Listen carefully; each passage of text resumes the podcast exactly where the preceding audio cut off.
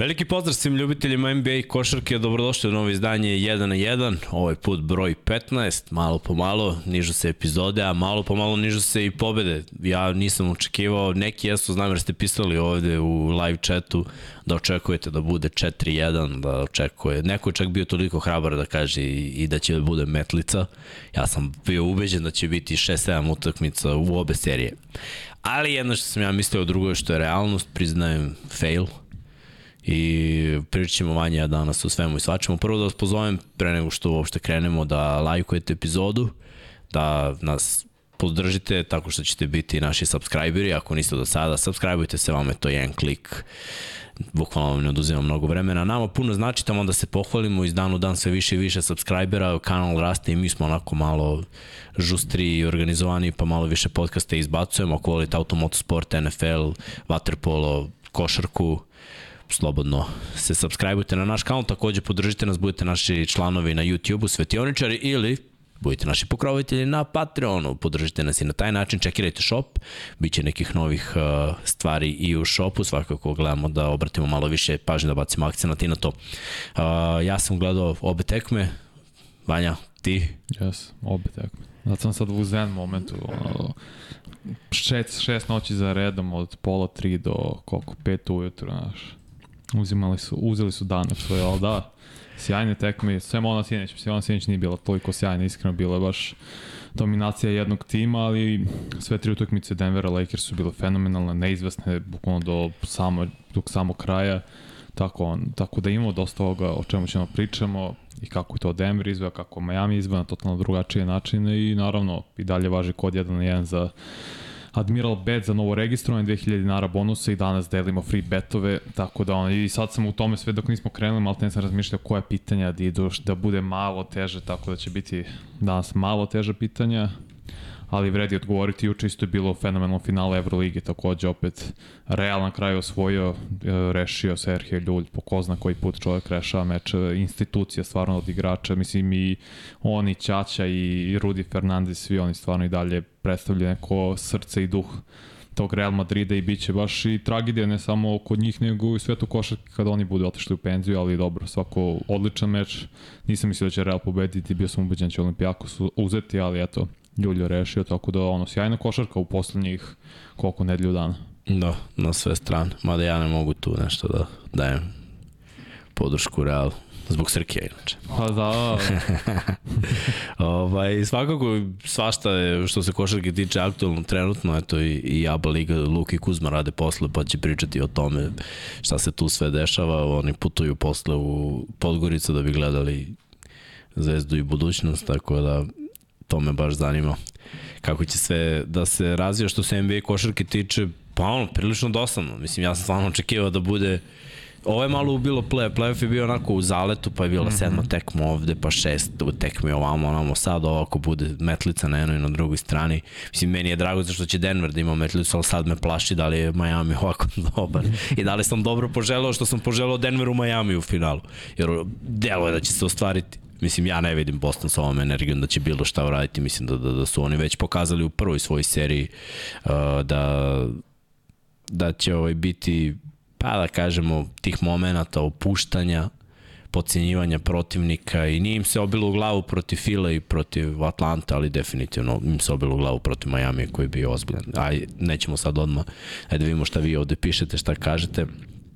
I može neko da objasni kako je faul Rasela nad Marijom nesportski, a sinoć pokušaj pesničanja Smarta, običan faul. To ono ljudi što meni smete, ja sam i pomenuo to na onoj u prethodnoj epizodi da ja ništa to ne bi svirao kao flagrant, jer ona košarka koju sam ja volao i gledao 90-ih, to nije bio tipa nesportski faul, već je bio samo malo jači faul, a još dok sam ja bio mali, dok nisam bio svestan šta je košarka, ono je bilo za zatvor. Da, danas. Danas da gledaš ove neke prekrše, evo, gurkanja posle zakucavanja, znači to je bio haos. Ok, razumem zašto to ne treba da bude, razumem da sam verovatno u manjini, da ljudi više vole da košarka bude ono fine i da postoji neko poštovanje između protivnika, ali zbog ovog imamo te nekonstantnosti u sudijskim odlukama. Jedno jeste, jeste, drugo nije, onda sve treba da bude, ako sve bude, onda mislim da to malo, da malo košarka gubi na fizikalije. Košarka je zapravo jeste onako, ima malo kontakta u sportu i nikad ne treba ni da oduzmu kontakt košarci. Sad ti kažem 2000 tih, meni kaže ponavljam, zlatni period košarke NBA makar je bio od 95. 6. do 2015. 16. U tom periodu je bilo nešto između fizikalije i finese. Tačno dovoljno fizikalije, dovoljno finese, svi su mogli da pokažu svoju košarkašku veštinu, što se tiče ofanzivne strane, oni najbolji makar, ali opet odbrana se igrala na jedan fizikalan način, bilo je kontakata, bilo i dalje da možeš ruku da držiš na ofanzivnim igraču, iako su to posle sklonili, mislim, bilo 2005 ili 6 da su uklonili to i zabranili, ali dalje su dopuštali, znaš, i, i to, za to pravilo je trebalo vremena da se prilagode ljudi ali ovo sad u poslednjih 4-5 godina je previše mekano.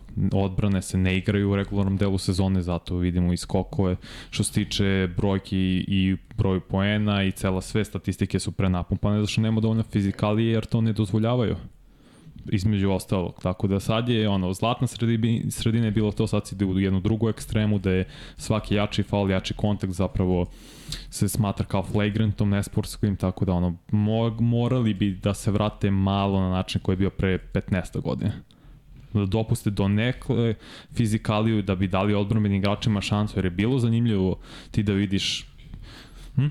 Je sve okej? Okay?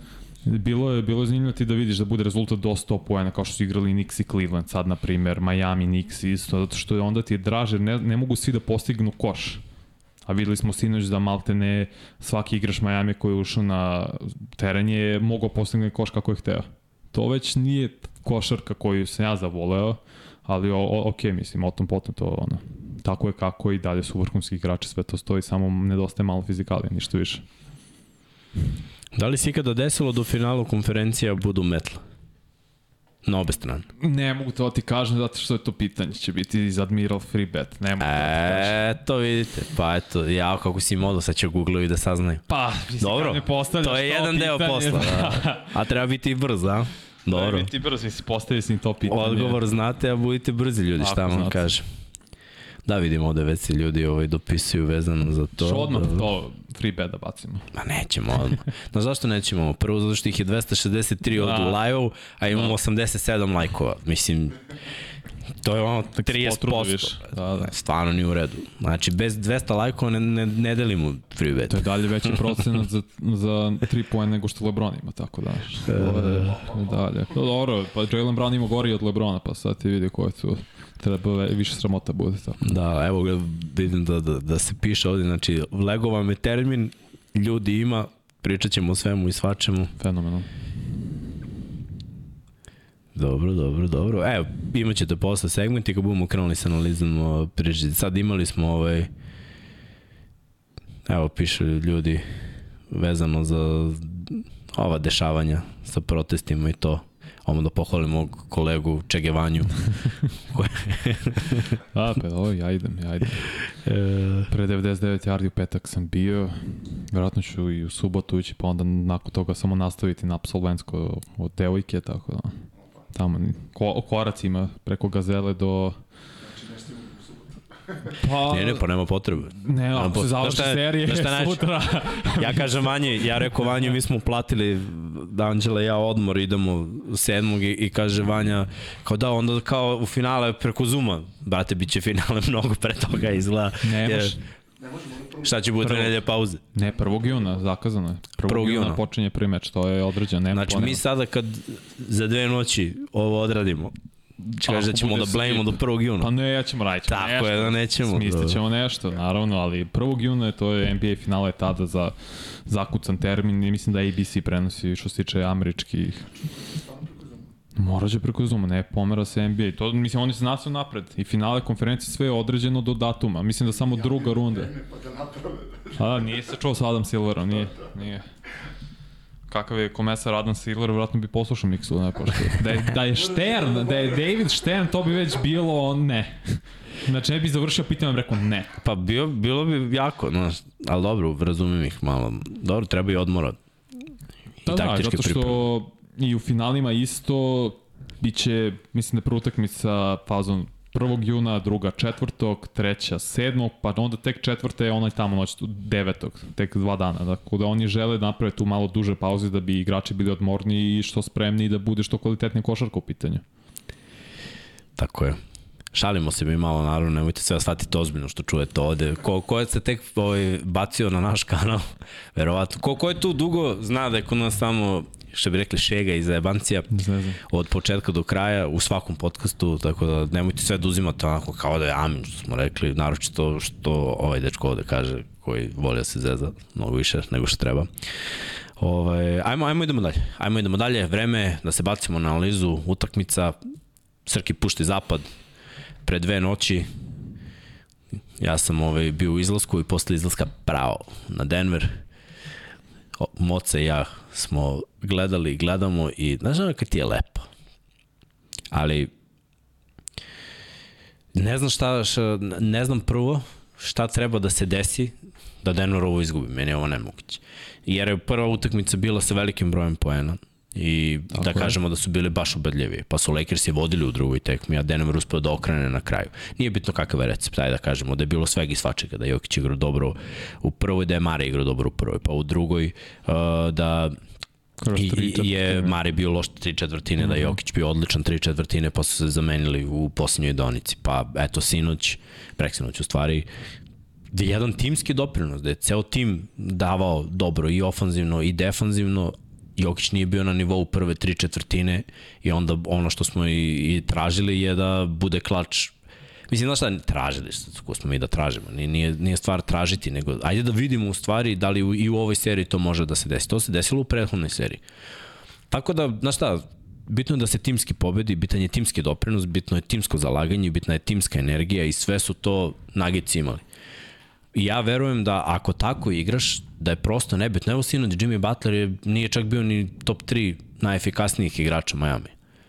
Ali nije bitno, jer je sve vreme bio tu, sve vreme je bilo zalaganje i tokom čitave serije on traži saigrač. Isto kao Jokić. I čini mi se da, da su i Spolstra i Melon radili dobar posao time što su nekako dali samopouzdanje igračima da uzimaju šuteve, da budu agresivni, da ginu u odbrani da bi se to iz odbrane ta energija prebacila u napad. I meni je nekako sve to bilo lepo gledati. U jednom trenutku je ta prednost Denvera bila krenula da rasti, bilo očigledno da Lakers to neće stići. Lakers imaju neku lošu energiju. Kao i Boston. Lakersi ne popuštaju toliko defanzivno i nemaju te padove strašne, ali imaju neku lošu energiju. I, pre svega nemaju tu timsku energiju. Možda je vrlo važno bilo što je Denver na okupu već nekoliko godina, možda je vrlo važno što je Denver imao par sezona gde su ključni igrači bili povređeni, pa nisu mogli da, znaš šta, i, i gledao sam neku izjavu Melona gde on priča nakon što je pokidao prednju ukrštene da je Jamal, mm -hmm. ono došao i, i pitao ga, ono ćete me tradujete, ja sam damage goods, ono pokvarena roba, eh, da li ću da ostanem, da, da sad je bio ono uplošen za svoju budućnost, da li ću, jer je verovatno znao da ovaj tim ima mogućnost da ode daleko. A znamo ovde koliko ljudi je tražilo da se Mari traduje. Ne mogu da kažem, da, da, da, zato što je Mari po mom mišljenju, u jednom momentu. da, po mom mišljenju je nekonstantan i previše divlja, ali kad je u svom elementu, a ovaj playoff je u svom elementu, mm znaš, ima on toplo-hladno moment, ko nema? Ima on par loših četvrtina, pa par dobrih. Ko, ko igra četiri četvrtina dobro danas? To je redko. Drugačija je košarka, mnogo se juri, znaš, jako je teško za igrača da četiri četvrtine bude. Pri, pritom ovi su, ovo su igrači od 40 minuta po tekmi. I Mare i Jokić igraju 40 minuta po tekmi, kao što s druge strane Anthony Davis i LeBron igraju. A po, pogledaj njihov doprinos. Njihove minute kako oni koristi, samo da uporedimo direktno duel Lakersa i Denvera. Dve najveće zvezde Denvera su ostavile u senci i to onako tamnoj, tamnoj senci zvezda Lakersa. I stvarno je tako i na domaćem terenu i na gostovanju. Znaš kako, poslednje, mislim, sve tri utakmice na kraju su bile rešene u četvrtoj četvrtini. Ne mu kažem da je pa bio prva, gledaj, prv, ne prihvatam za prvu to.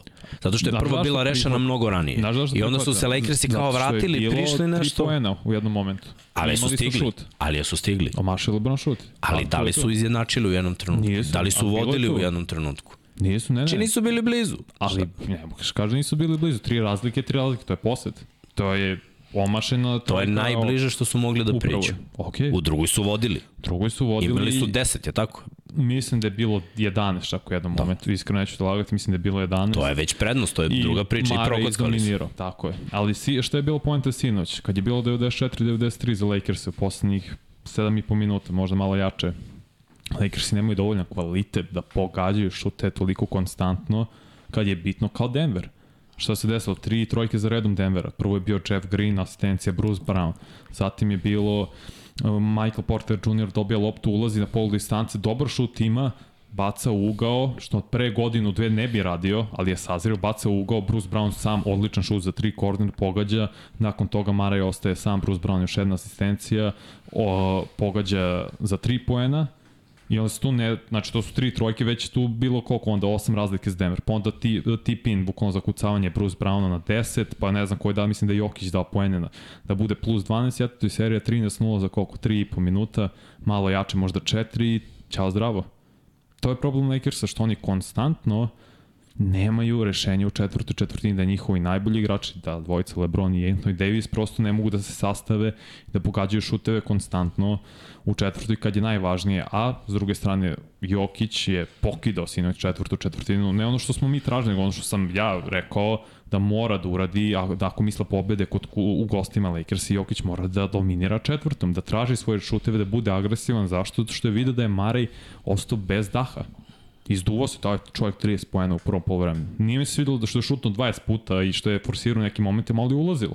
Nemaš ništa da mu kaže. No. Onda dru, treća četvrtina, Mare se kompletno izduvao, Jokić ušao probleme s faulovima, KCP tu spasio Denver otežak sve vreme sa 12 poena, što je bilo fenomenalno, ali 15 poena Jokića ovih je na kraju presudilo u četvrtima i nekoliko asistencija i stavio konstantno pritisak na Davisa, Hačimuru, koga god, koga da je čuvao njega. A s druge strane, Lakersi, iz nekog meni nepoznatog razloga, ja Austin Reeves, najbolji igrač u četvrti četvrtini, je samo šutno jedno. I da, taj jedan šut. On da, i, i Hačimura i on, pa dobro, znaš, nisu zvezde, ne, nemaju verovatno još uvek toliko slobodu, mm -hmm. što je mhm. dobro za Denver, jer oni imaju igrače koji smeju da šutnu, koji opet nisu najveće zvezde, ali definitivno se vidi da imaju slobodu.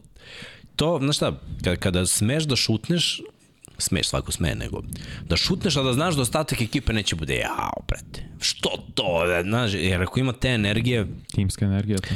neće to biti loše, ali ako ti promašiš i svi se zajedno vratite u odbranu igrati i niko ti reč ne kaže, u fazonu si okej. Okay. Znači onda, te još neko bodri, kao ajde, brate, ući će sledeće. E, to je dobro. Znači, ne treba, ne, ne treba imati lošu energiju, treba dobro komunicirati mislim da je to velika stvar. To Denver ima i vidi se da su Denver i Miami timski ovako najbolji, jer šta je zapravo, Miami isto ima neki kor ekipe koji je sličan, par igrača tu samo došlo, što je promena za Denver, ko, ko je ovde nov, KCP i Bruce Brown. Ostatak ekipe manje više tu. Oni menjaju, ali imaju nek, neki kor od svoje 3-4 igrača koji je bio tu i prošle godine. Onda kad gradiš, gradiš, gradiš, jednostavno sazriš na, na vreme. I ovo je njihova godina. Mislim, mi smo pričali još kad smo sklopili taj kostur da je ovo njihova godina, da je na zapadu takva situacija da su neke ekipe povređene, neke u rebuildu. Njihov najbolji protivnik su Lakersi koji su se jedva sklopili da uđu uopšte u play-offe, tako? Tako je, krenuli su 2-10 u regularnom delu sezone, bili 13. do All-Star meča i okrenuli sve to. I ti si pravu, de, ceo zapad je bio u nekom momentu povrede ili timovi koji su se sklopili na brzinu. Lakers Phoenix a povrede pre svega Clippers i tako dalje i tako dalje, ali opet to ne, nikako ne umanje uspeh Denvera, jer ova prva godina da je sva četvorica, aludiram na Jam, ovaj, Jamal Mareja, Jokića, na Michael Porter Jr. i Gordona kad igraju playoff zajedno. Mislim, Mare nije igrao prošle godine playoff ni Porter Jr. Mare se povredio da. pre dve godine u playoffu i samo je odigrao playoff zapravo 2020. na tom niv... Da, vrhunskom nivou. Ono je još bolje od ovoga Ono je još bolje, imao stvarno nerealne serije i mislim, zato ja nisam teo da skočim da kritikujem Mare, on je nekonstantno treba, treba se tradio jer nisam ga video u playoffu da igra uopšte prethodne dve godine. Ja ne mogu da zaključim po tome da li on treba da ostane u Denveru, da li je dovoljno dobar uz Jokića, nije, jer nije imao priliku. Evo sad kad je zdrav, napokon, igra fenomenalno i kao što je drži ih u prvom polovremenu, jer on, on kako je šuteve pogađa u prvoj četvrtini imao je 8 od 10 iz igre. I u drugoj, znaš, izduvaš protivnika. Osjeti, protivnik se oseti ako bespomoćno. Ti A već su bili god, bespomoćni na gostovanju, već, već im je bilo ono šamar 2-0. Tako, ti urodiš sa god u tvoje moći, ali ovaj čovjek pogađa šutevi. I to ne pogađa, on pogađa bez koske. Da, I onda kad dođe u mod, on je u modu, to, tako je, tako to mu daje. I publika se isto izduva, prestane da navija, ali Austin Reeves je bio fenomenalno, u drugu četvrti imao 15 pojena i on ih je to držao. Da, kažu ljudi ovde da ih je više on držao nego Davis i, i LeBron. Imamo par pitanja, pa ide da taman napravimo A, tu interakciju s publikom.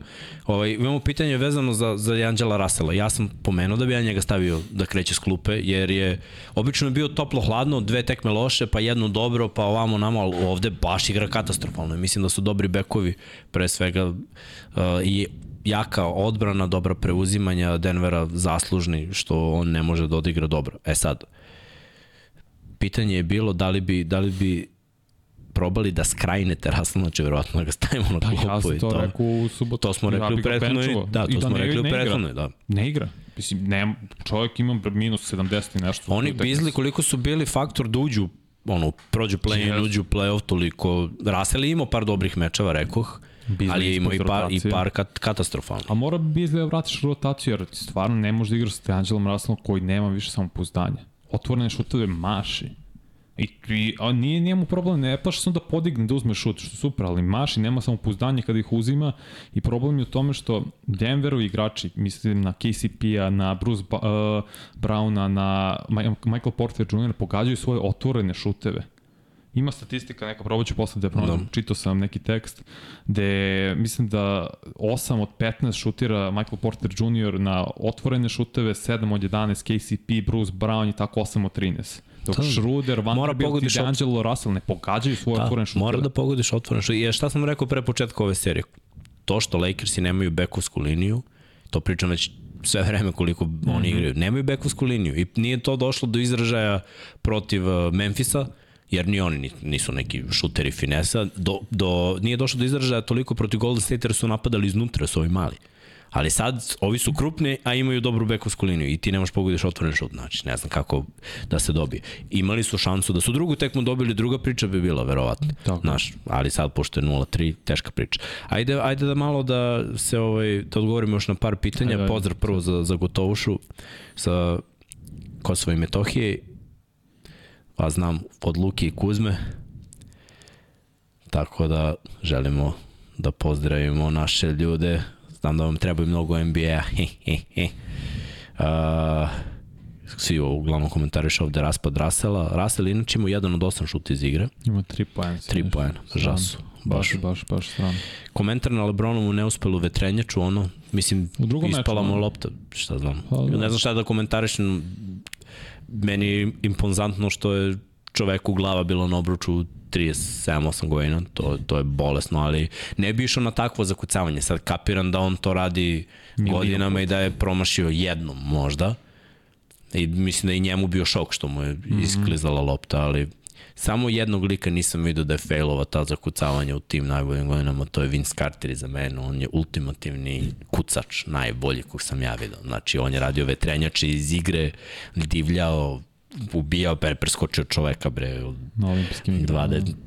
To je to. Za sve ostale, ostali su smrtnici, a Vincenity je posebna priča. Mislim, zato uglavnom ovde vidite toliko Torontovih stvari. Baš respekt. To je negdje dres, eno ga govori za vanje. Je za vanje karta. Aha, aha, okay, okay. Pa nije kako, mislim, opet da se vratimo, ono, nije problem u Lakersa što Lebron je to mašeo, problem je što Lebron šutira loše sa 3 pojena kroz tri utakmice, 3 od 19, ima šut za 3 poena, u jednom momentu je vezao 20 omašaj, što je NBA negativni rekord. To je neprihvatljivo i kad ti ne ide, nemoj da forcer šutno je sinoć 9 trojke, Breksonić, pardon, 9 trojke, dao je 3 jer je dao vezao par napada da je vezao dve trojke, pa je pomislio da će krenuti. Nije AD ni igrao loše, mislim 28 i 18, ja ne mogu ništa da zameram, ono što zameram AD jeste što je igrao loše u poslednjoj četvrtini. I tada se lomi u ovoj seriji sve vreme poslednja četvrtina Denver igra mnogo bolje, prvi meč je bio timski, drugi Mare sinoć Jokić i to je odlučilo. Da. Ajde da pričamo malo o statistici individualno i krenut ćemo od poražene ekipe, jer nije to baš bilo toliko dobro. Reeves 23, Fan, James 23, uh, Davis 28 uz 18 skokova, znači skokovi su ušli u plus, to je ono, 13 je bila grana, pitali ste da, nas. Da. Uh, neke druge stvari smo baš podbacili, Hačimura imao 13 poena, ostatak onako, mislim bio, bio i garbage time, tako da Walker je postigao 9 s klupe, Vanderbilt 2, Russell 3, onako. Kratko i jasno ne bi tu nešto pre... Lebron je imao još 12 asistencija, 7 skokova. Mislim, ovo je njegova konstanta, on između 20 i 25 poena, i uvek je iznad, da kažemo, šest skokova, šest asistencija, sad zavisi nešto ide preko deset, ne, nešto ne, ali mislim za čoveka u njegovim godinama ovo su dobri brojevi. Uh, nije dobar šut iz igre, rekli smo to za tri poena se muči, ali sad je konačno krenuo duba, da ovo su mu prve trojke bile uh, u, u ovoj seriji, 3 od 9 mhm. je imao. Ovo je brojke njegove u proseku, ne znam ako ti možeš tu da nađeš da vidiš koji je prosek za playoff, su za neko koji je u 20. godini, mislim, impresivni bolje od većine igrača koji igraju da, da. u, u play-offu. Istina. Mislim, to je sve, sve da kažem, 23, 10 i 8 asistencije. Da. 19 šuteva, 8 pogođenih, Davis o 11 od 18, znači bolje nego prošla utakmica, ali ne, ne dovoljno dobro. Pritom jedna asistencija za Davisa, on bi morao malo više da se oslobađa lopte, jer nije baš bio toliko dominantan. Ali to su bile greške. S druge strane, ajmo na Denver, da, da pričamo, krećemo naravno od Jokare, 24 poena, uglavnom zahvaljujući tom sjajnom finišu u četvrtoj mm -hmm. četvrtini. Uh, malo ispod svog proseka koji je triple-double, ali osam asistencija, ponovo je tu bilo dosta razigravanja sa igrača. Bilo je dosta dodavanja koje vode ka asistenciji, to se ne piše u statistici, ali to, je onako, to je košarka. Da, da. To je sport. Znači, nađeš čoveka koji će lakše da doda od tebe, ne da juriš asistenciju po svaku cenu i sve to da bude lepo i efikasno.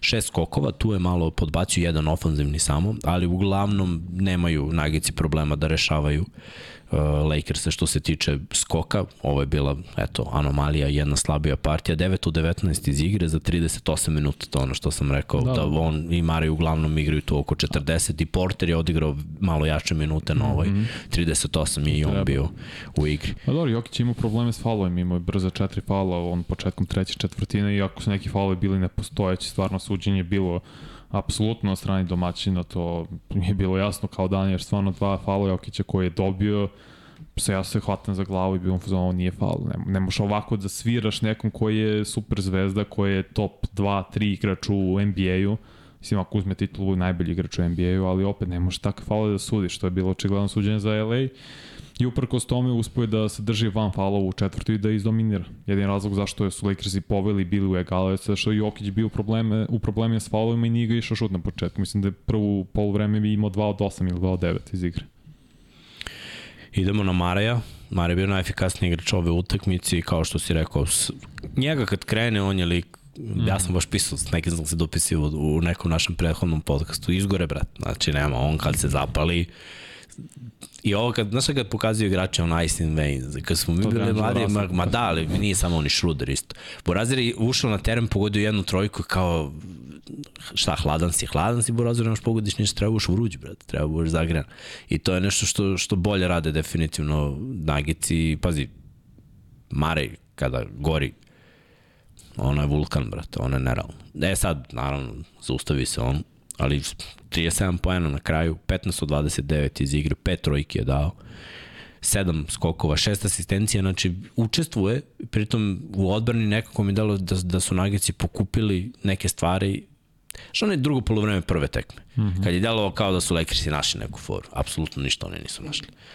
To, to je bilo samo za, za tu tekmu. Dobra taktika, čini mi se da, da je rešila ovaj put u korist Denvera, da, da se takve stvari ne dešavaju. I bilo je problema ofanzivno za Denver, mislim da defanzivno zapravo nije bilo problema. I ovako kada pogledam, eto ta druga četvrtina 35 poena, to, to je bila anomalija, tu su pustili Lakers-e malo da se razmašu, ali kad pogledam sve druge, znači u prvoj si dozvolio 20 poena, to je vrh, vrh odbrana. 27 i 26. Za NBA standarde, to su tri od četiri četvrtine jako dobro odigrana defanzivno. Ne ulazim u to da li je otvoren šut. Pazi, i nekad je i taktika da ostaviš D'Angela Russella da šutne otvorenu trojku. Je tako? A, Vanderbilt pogotovo. Ti igraš, živiš sa tim. Ok, da oni ne daju koš. Taktički, to je savršeno odrađeno. Uh, Gordon je malo podbacio, ja rekao, ja ga volim na dvocifrenom učinku, pa makar 10 poena, imao je 2 od 5 šut iz igre, jednu trojku promašio, 7 poena za njega. 3 skoka, 4 asistencije blokada. Porter junior 14 poena, to je to između 10 i 15. 4 od 11 iz igre, 4 od 10 za 3. Sad, zanimljivo da ne koristi toliko da ide na prodor. Je bilo u prvim utakmicama više onih njegovih utrčavanja, taj give and go koji odigra sa Jokićem ili neku backdoor utrčavanje gde da iskoristi dobru asistenciju. Na ovoj utakmici nije bilo toga, više je prangio s polja, ali dobro, dao je bitne trojke.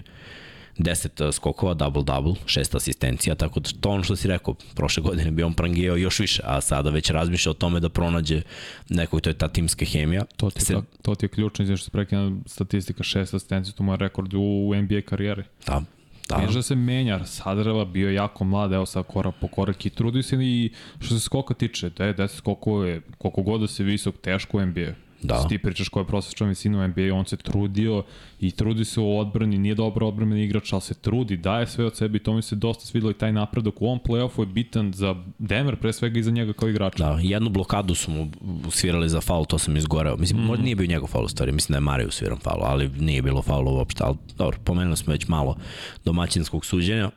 34 minuta za KCP-a, 17 poena, 610 iz igre i on je dao četiri trojke i iz klupe naravno moj omiljeni Brown sa 15 poena, pola sata igrao, 29 minuta, 6 od 11 šut iz igre, 1 od 5 za 3, ali njegova ludačka energija i opet on, pet skokova, pet asistencija. Od njega sve dobiješ, ono, svaka kolonica se tu popuni, igra agresivno u odbrani i donosi neku energiju koja je preko potrebna. Opet rotacija od osam igrača, samo trojica s klupe, dva Brauna i, i Green. Green 5 poena.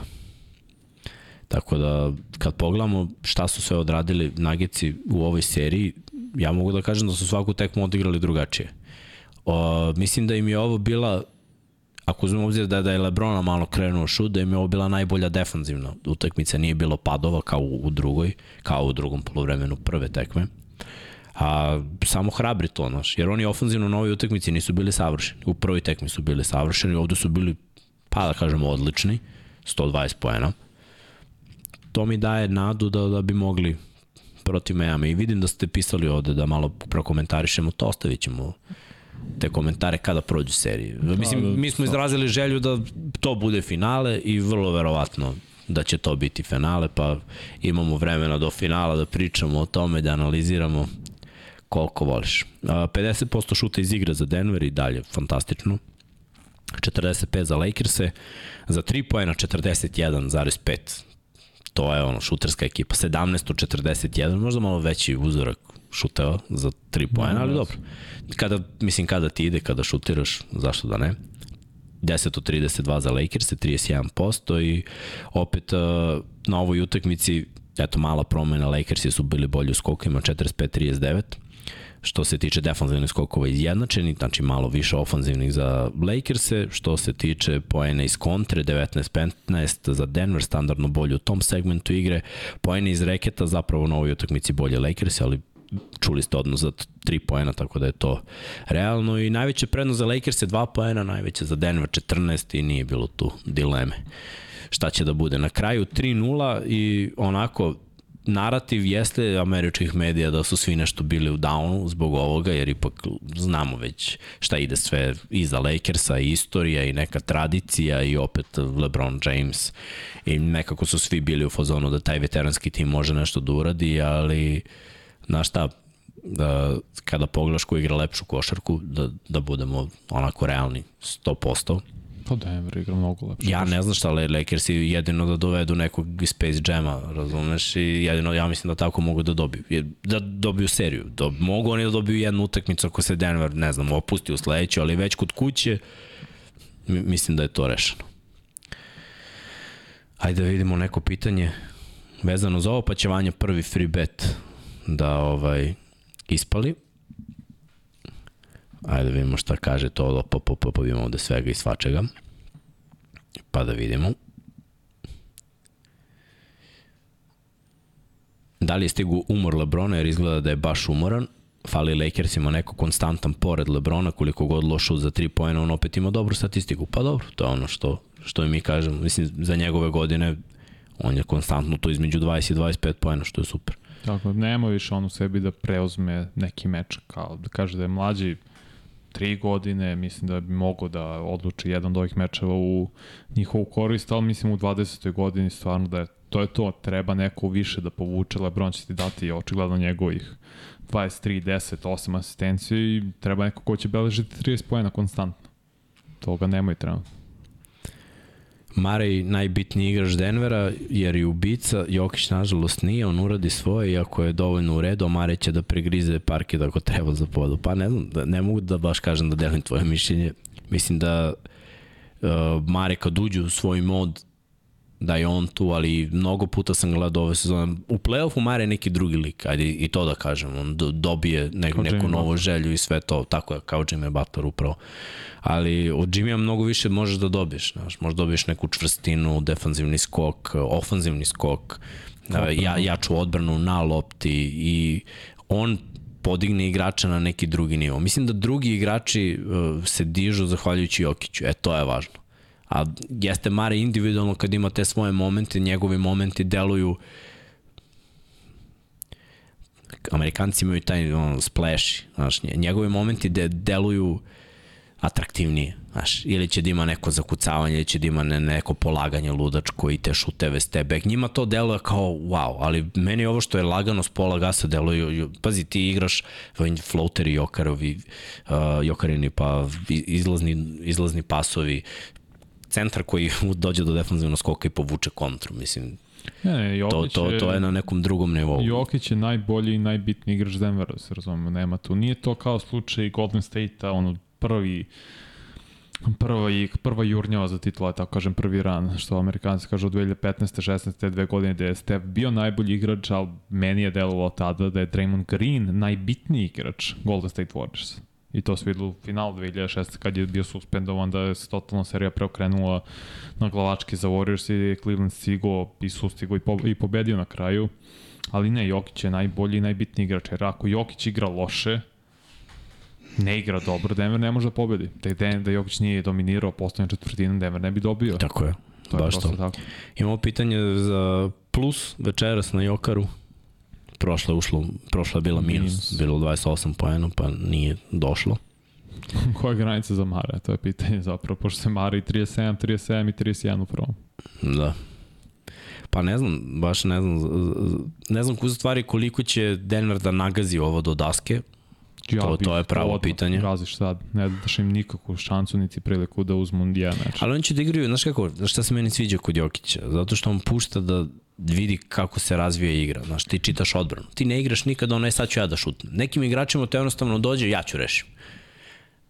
Pre nego što se postavi blok, pre nego što se izvrši bilo koja kretnja, pre nego što vidiš dalje, ne znam, čovek zon, nekom je u glavi, ja ću šutnem.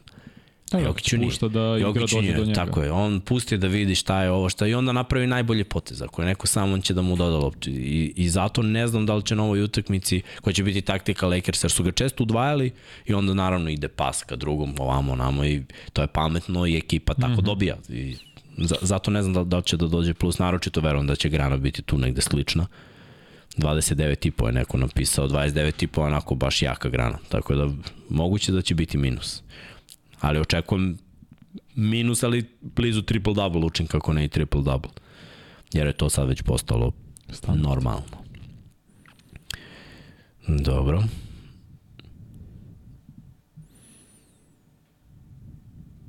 Ne kažem ja da defanzivno nije dobar Michael Porter Jr., šta više mislim da je jako dobar.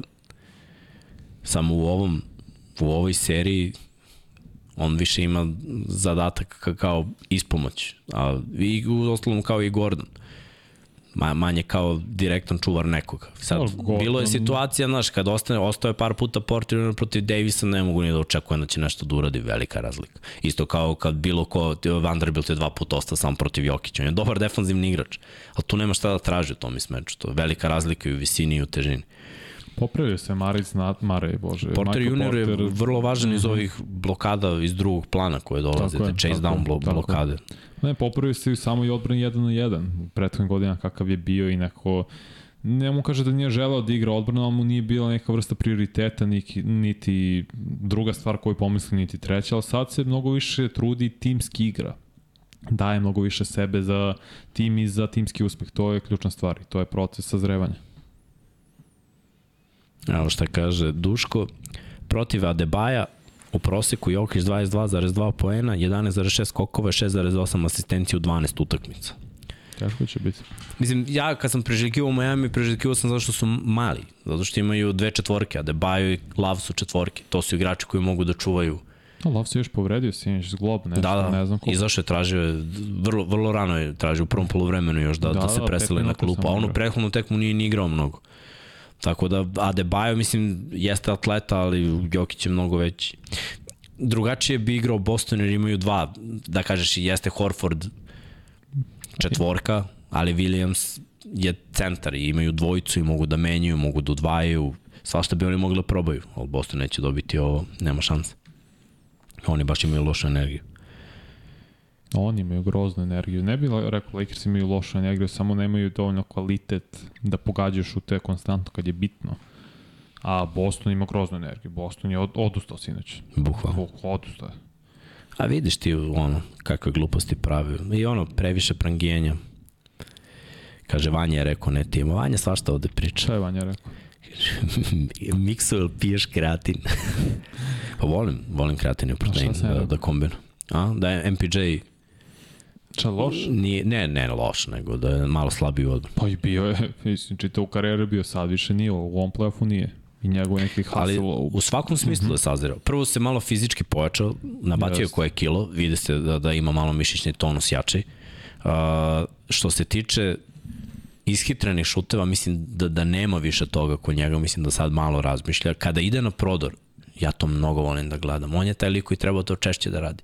Jer svako to njegovo trčavanje kada krene na obruč, on je toliko talentovan, ne samo kad kuca, nego i ima osjećaj da, da onako mekano nakon kontakta uz faul zavrne loptu. Samo mi žao što to češće ne radi, jer češće sam vidio ove utakmice od njega, 10 trojke šuteva s polu distance, nego prodora. Ali kad on zakuca, brate, a bilo je u ovoj seriji par iz kontre, ovamo, onamo, me, meni to onako podignem. O, Natera me da skačem 4 ujutru po gajbi. nekadašnji najbolji prospekt i do, kad je dolazio iz srednje škole, mislim. On je u Seattle igrao, njegov tim je odvojen. Ne znam ko je vodio taj Seattle kao trener, neki bivši igrač. Možda čak i Penny Hardaway vodio taj srednjoškolski tim iz Seattle. Oni su bili na površinu državi, predvođeni baš Michael Porter Jr. Uber, Uber je talentovan stvarno. A, Drogba poklonit ćemo i više od jednog minuta. Kome? Kaže, najlepšem skok šutu svih vremena u penziji istog. Ne brini, pa ovde se uvek ispuštuju. Velikani. Tako je. Dobro. Vidiš da postavim pitanje dok ti tražiš još pitanje. Ajde, ajde.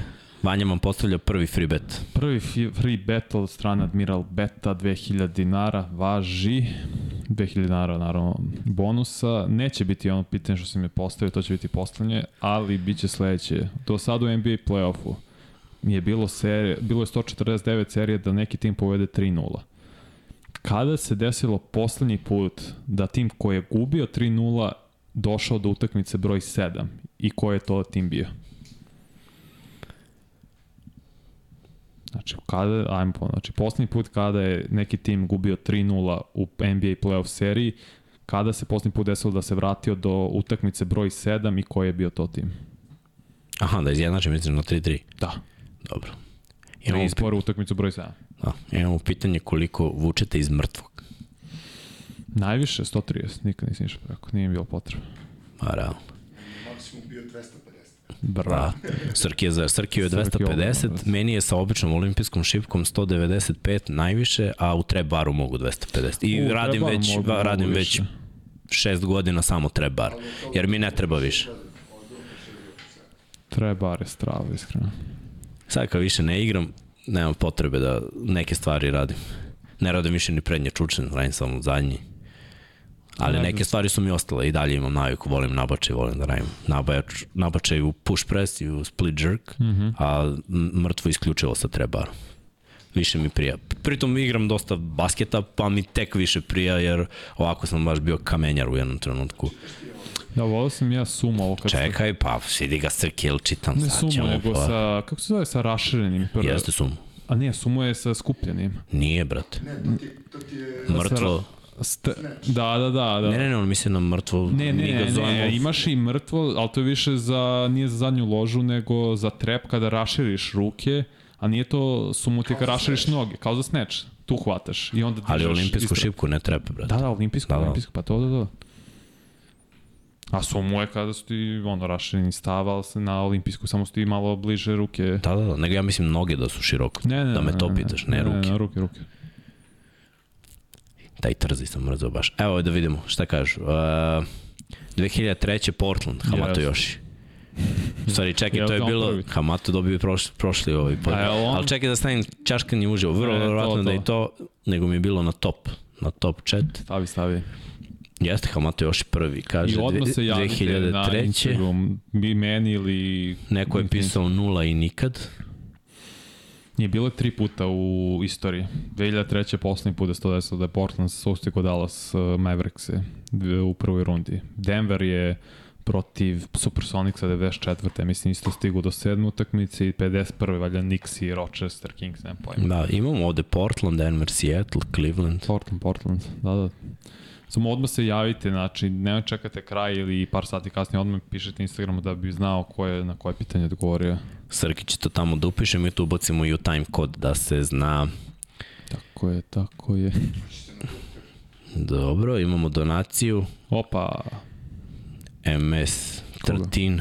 Kaže pozdrav za ekipu, pozdrav brale. pozdrav, pozdrav. Da li slučajno mora neki comeback da se desi sa 3-0 koji ima veće šanse Boston ili Lakersi? Pa ja mislim da šanse nema, ali ako minimalne šanse tražimo, pre bi rekao Lakersi jer Boston baš ima lošu energiju. Oni, ja mislim da, da su izgubili, da i, u, nakon one, jesi vidio šta je najbolji potez? Ali dobro, to ćemo pričamo sad kad krenemo, ali mora, mora, mora da se izgleda. Jimmy u jednom trenutku kad je bilo 20 razlike, ne ne, prvo je bilo Tatum, pa onda taj malo Horford. Tačno taj moment kad su vodili 10 razlike u drugoj tekmi. Ja kad sam to video, znači bio sam u fazonu ono malo poštovanja i želje da Boston prođe dalje, tad mi je nestalo, bio sam fazonu. Kako Horford uradio, ja mislim. Ne, Horford je radio ovo. Da, u prvoj A pre toga, ne, ne, brate, pre toga je uh, Tatum isto dva minuta pre toga u istoj tekmi je bilo kad, je, kad su krenuli da daju. To isto i kad je Horford uradio ovo. Pa je li to Horford uradio u prvoj utakmici? Mislim da je Horford to uradio u Ili drugoj. u drugoj, nisam U drugoj, zato ja mislim da je u drugoj. Ali Ne nije bitno. Ista je tekma, isto me iznerviralo i bio sam u zonu, ajde Jimmy, sad Jimmy. I desilo se. Kakvi glupani. E, kao 10 razlike, oni se raduju, brate. Ove. Uh, zašto su se Lakersi odrekli KCP-a koji bi im sada jako značio kao odličan šuter? Pa svašta su oni odradili od te šampionske Trade generacije. Da. za Russell Westbrooka. Promenili su oni 2021. roster, da, imali su neke svoje fantazije. Mislim, lepo su oni, lepo su oni ovaj, rešili sve, sve to. Da, Iskreno, na kraju su sklopili tim, došli do finala konferencije, delovalo je da ono, Mislim, za većinu ne bi bilo. timova i franšize je uspeh doći do finala konferencije za Lakers nije. Uspeh, tako da. da. Titula ili ništa. Evo da odgovorim na još jedno pitanje, idemo dalje. Uh, igrao sam wide receiver. Uh, pitaju da li je pitanje bilo ko je okrenuo 3-0 ili ko je stigao do sedme. Vanja je pitao ko je sedme. stigao do Niko nije sedme. okrenuo 3:0. Niko nije okrenuo. Znači, Tri tima su stigli. čak sam ga ja čuo. Tako da. uh, ništa, ajde, ajde idemo dalje. Znači, Denver vodi 3-0, Denver ima meč loptu večeras. Večeras. Nadamo se da će to biti rešeno, a Srki ti puca i vreme za Miami. Uh, inače, Denver prvi put u istoriji, ako prođe, zato smo rekli istorijski, idu prvi put u istoriji svoje franšize u veliko finale. I to je onako baš wow. Igrali su jednom uh, Finale konferencije. finalne konferencije i ni, nisu Dva prošli puta. dalje. Ne, ne, da, jednom u prošloj deceniji, u- u- ne ovoj sad, nego onoj prethodnoj. Pa igrali su 2009 sa Carmelom i, znači- 2020. Sad da I Denver, ne znam da li su pre toga igrali Ja mislim da nisu. možda.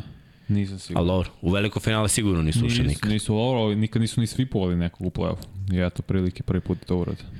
Uh, Miami ponizio mm -hmm. Boston, moram da kažem ponizio jer ovo baš bilo ponižavajuće, sino sam, sam gledao tekmu i ta loša energija Bostona, ta nemoć u nekim trenucima, previše tih nekih šuteva za tri poena, loš Tatum, loš Brown, s druge strane timska igra i najbolji strelci su zapravo bili igrači koji su rol igrači, igrači koji znaju šta moraju da doprinesu defanzivno klinika Majamija, ofanzivno njihova timska igra na pas više. I previše viđem od Bostona, to je taj mali uh, sindrom zvezde. Ideš na ulaz kao Brown, bio faul, nije faul, jesi čuo pištaljku? Brate, diži se i vraća se u odbranu. Brazir ide na prodor, on smatra da je faul, onda leže na parketu, širi ruke, oni samo šire ruke. Samo traže neku milostinju samo traže nešto se desi. Znači, u jednom trenutku sam mislio gledam Filadelfiju. Majke mi, koliko je bilo ono gluposti.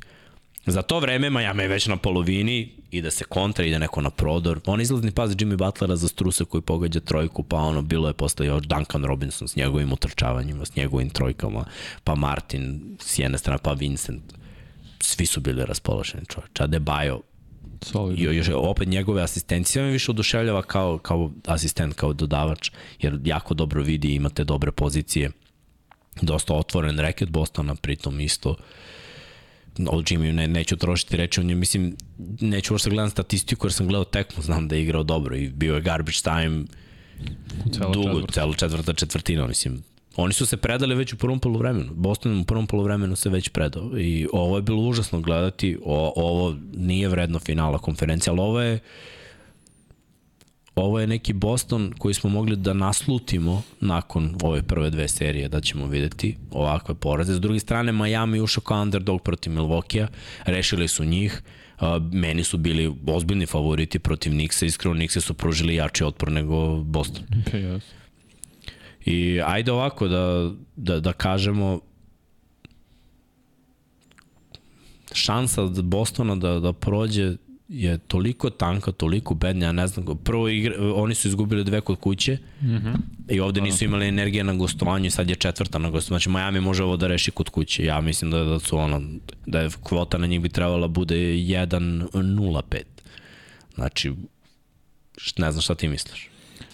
Pazi, Miami igrao mnogo, mnogo imao su mnogo veći fokus, mnogo su više bili strpljivi, mnogo više timski su igrali, svako veruje u svog saigrača i svako ima pravo da uzme matene koji god hoće. Šut, što sam spomenuo posle prve utakmice, svi imaju zeleno svetlo, ali igraju tako prelepu timsku košarku gde svako se trudi i u odbrani i u napadu, to je, mislim, to je nevjerovatan coaching, ajde, da tako pravo kažemo. Sve Spolstra šta radi kao najbolji trener u NBA-u je stvarno nerealno. Ne, neću više da slušam priče nedraftovan, draftovan, tad i tad. To je za dobrog trenera, dobre funkcionere košarkaškog uma kao što je Pat Riley koji je genije. Nevažno je ko, neko, ko, kad si draftovan i da li si draftovan.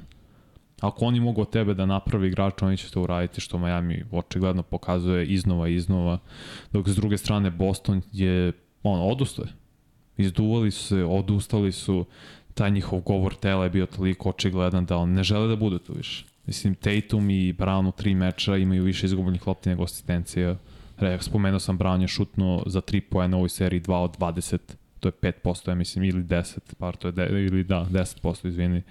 Tatum ima 5 od 20 za 3 poena, ne igraju nikakvu košarku, ne trude se dovoljno. Neću da kritikujem uh, Mazulu i jako je velika razlika u između trenera i tu je ima Miami ogromnu prednost, se razumemo? Ogromnu prednost. Ogromnu Niti prednost. zna da prepozna rotaciju, niti zna da prepozna koga da zameni, Tako niti je. zna da ih smiri i da im pozove neku akciju. Delo mi da je njihov plan, prangijamo trojke, Oslanjamo pa ako ide, najbolji ide, ako ne, ne. Odbrana u nekim momentima moram da im dam priznanje, je bila vrhunska, imali su četiri napada Miami koji nije dao koš, i, ali nisu ni oni dali na drugoj strani. Eto, tu je moglo negde da se desi. Pošto se tu nije desilo, nakon toga kreću šamari, kreću trojke i posle toga oni padaju, demorališu se i Tako ne mogu je. se izvade iz te rupe, iz tog gambisa u koju su upali. Ne mogu, niti će to raditi ni su utorak na sredu, mislim da će biti pre svi ovde nego Denver večeras, no to je nevažno sada. Mislim, neću krivim Joe Mazulu toliko zato što uh, niko njega nije hvalio što je Boston došao do drugog sida u, na istoku, imao 57, 58 pobjeda, koliko god, nevažno sada. Niko nije njega hvalio što su Tatum i Brown bili all NBA igrači.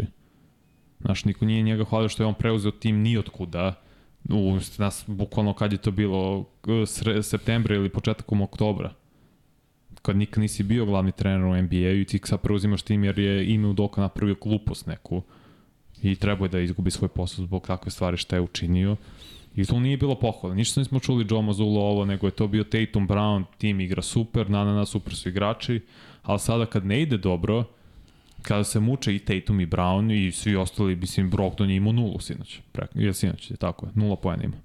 Kao šesti igrač. Najbolji šesti igrač ove godine imao je nulu. Gledaj, i on je krenuo da širi ruke da traži neke stvari.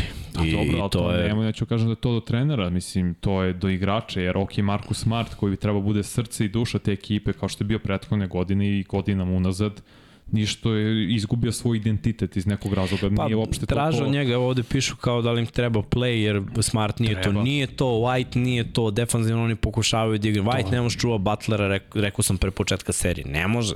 Trudi Jeste on dobar. nekoliko dobrih poteza i je, blokada manji, Bruču. brate. Manji je, ne može, sve, stoji, brate. sve, sve stoji. Može da da on hiljadu sve od sebe što ima, ali je manje. I ne može. I Tatum treba, ne treba da prihvati to ti kao najbolji igrač, mislim, pričamo sad o toj potrošnji, jeste, razumem to, da igrač neće da se troši defanzivno da bi dao više ofanzivno, ali nije da Tatum daje ofanzivno na svakoj tekmi. glupost, Pritom, iskreno. ajde još jednom da, da povučemo ovo, da, zamisli da kažeš Jordanu, e, Burazeru, ili Kobiju, ili ne znam, tim velikanima koji imaju taj mentalitet, Burazeru, odmori ti malo u odbrani da bi igrao u napadu.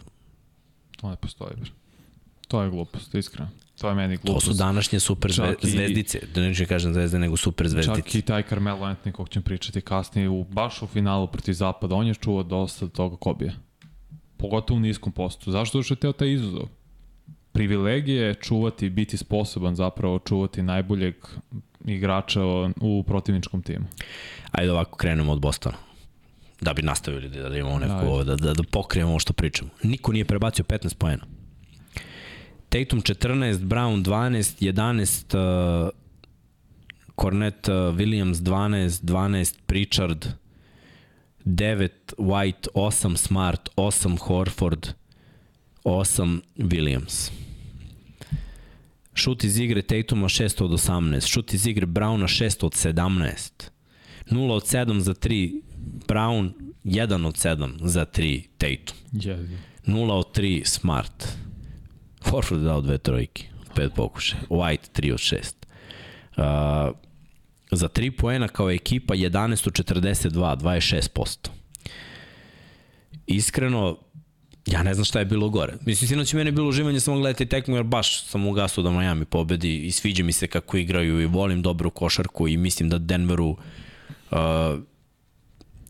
da Denveru odgovara ono što sad sumnja malo je to što će Miami uvek biti naoštren 100%, ali nadam se da će Denver shvatiti da i oni moraju da budu naoštreni 100%. Kada postavimo ovako, mislim da je Denver bolji tim da mogu da budu malo raznoliki, jer više mogu da napadaju iz reketa, jer imaju tu neku prednost.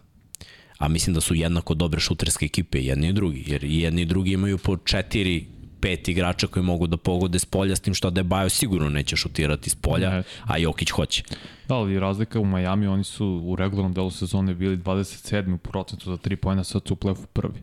To je suludo koliko su svi, znači od Gabe Vincenta koji je pokidao i meč imao 29 pojena, što je Mhm. nevjerovatno. Duncan Robinson koji je malta ne ispo iz rotacije u regularnom delu i prošle godine u play-offu, da sada poslednje dve serije doprinosi i to treba isto i to je na, de, na Bostonu što su dozvolili da Duncan Robinson doprinosi uopšte. Duncan Robinson koji ne može čuva nikog u odbrani. Njega ne napadaju zato što Boston igra tu igru da su svi rašireni, nema to sad igra se, aha, sad sam ja na redu, sad si ti na redu i tako dalje i tako dalje. Ne, ne gledaju uopšte mis mečove, ne, ne jure taj po, pogodan matchup za svoje igrače, nego tako, rotiraju se malte, sad ti šutni, sad ja i tako Meni je- dalje. Izvini, mm -hmm. meni je malo termin košarka Boston u napadu. Yes. Tako se igra termin košarka. Uglavnom su svi iz polja i malo se igra unutra, ali mislim, da, platili smo da šutiramo. O, ta, Evo, tako mi pogledaj- deluje. Pogledaj, Duncan Robinson za 3 poena u regularnom delu, 33%, ovde 44,7. Jeste, ali imao je, o to ono što ja pričam. Duncan Robinson, ja sam ga radio još davno, kad je mm. NBA bio na sport klubu. Ovaj, Duncan Robinson je poseban po tome što ima momente kada, on nije topovo i hladan, on je isključen ili uključen. Što on ima momente kad ne, ali ne da ne pogoj, nego to nije ni blizu.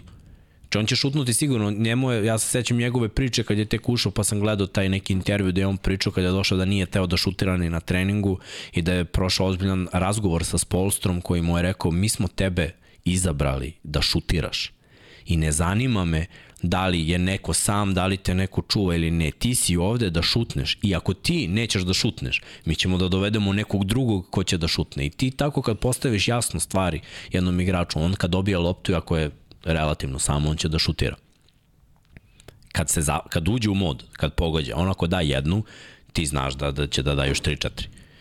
Kad ne daje, on, buk, on je na nuli. Imao je u, ovoj, u ovom playoffu 0-6, mm -hmm. ali je imao 606, imao je 607. Mislim, njemu se stvarno dešava da, da dobija loptu na tacni, da ima otvorene šute, on se dosta kreće, često dobija loptu iz uručenja, ali na šta je dobro, što nakon uručenja ako ne dobije loptu, on nastavi svoju kretnju i ima utrčavanja. I tu dobija lopte za završnicu. Ako je neko na pomoći, on zna da izbaci pas. Znači, jedan jako nesebičan igrač. Lauri je takav igrač. Znači, ako ne šutne trojku na uručenju, ako nije situacija, on će da krene na prodor. Ako nije tu floater, on će da izbaci pas. E, svi igraju tako. I Martin, i Vincent, ja mislim da jedino Jimmy tu ponekad malo isforsira, ali svi ostali igraju jako inteligentno i nesebično, igraju timski. Tako je mene čudi što Boston nije odigrao ni jednu tekmu protiv Majamija tako. Da neko uđe u reket pa da izbaci pas, ne, oni konstantno igraju nešto s polja, konstantno pokušavaju neke poludistanci, trojke. A protiv koga su igrali u prvoj i drugoj rundi? Kako su to timovi bili? Dobro, ajde, prva runda za, za drugoplasiranu ekipu. Jeste malo ovaj, slabiji tim, ali što se tiče File, mislim, znaš šta, Fila imala svoje šanse, mada... Ne, ne, ne, ne pričam to, Miami je mnogo fizikalniji i od Atlante i od Filadelfije.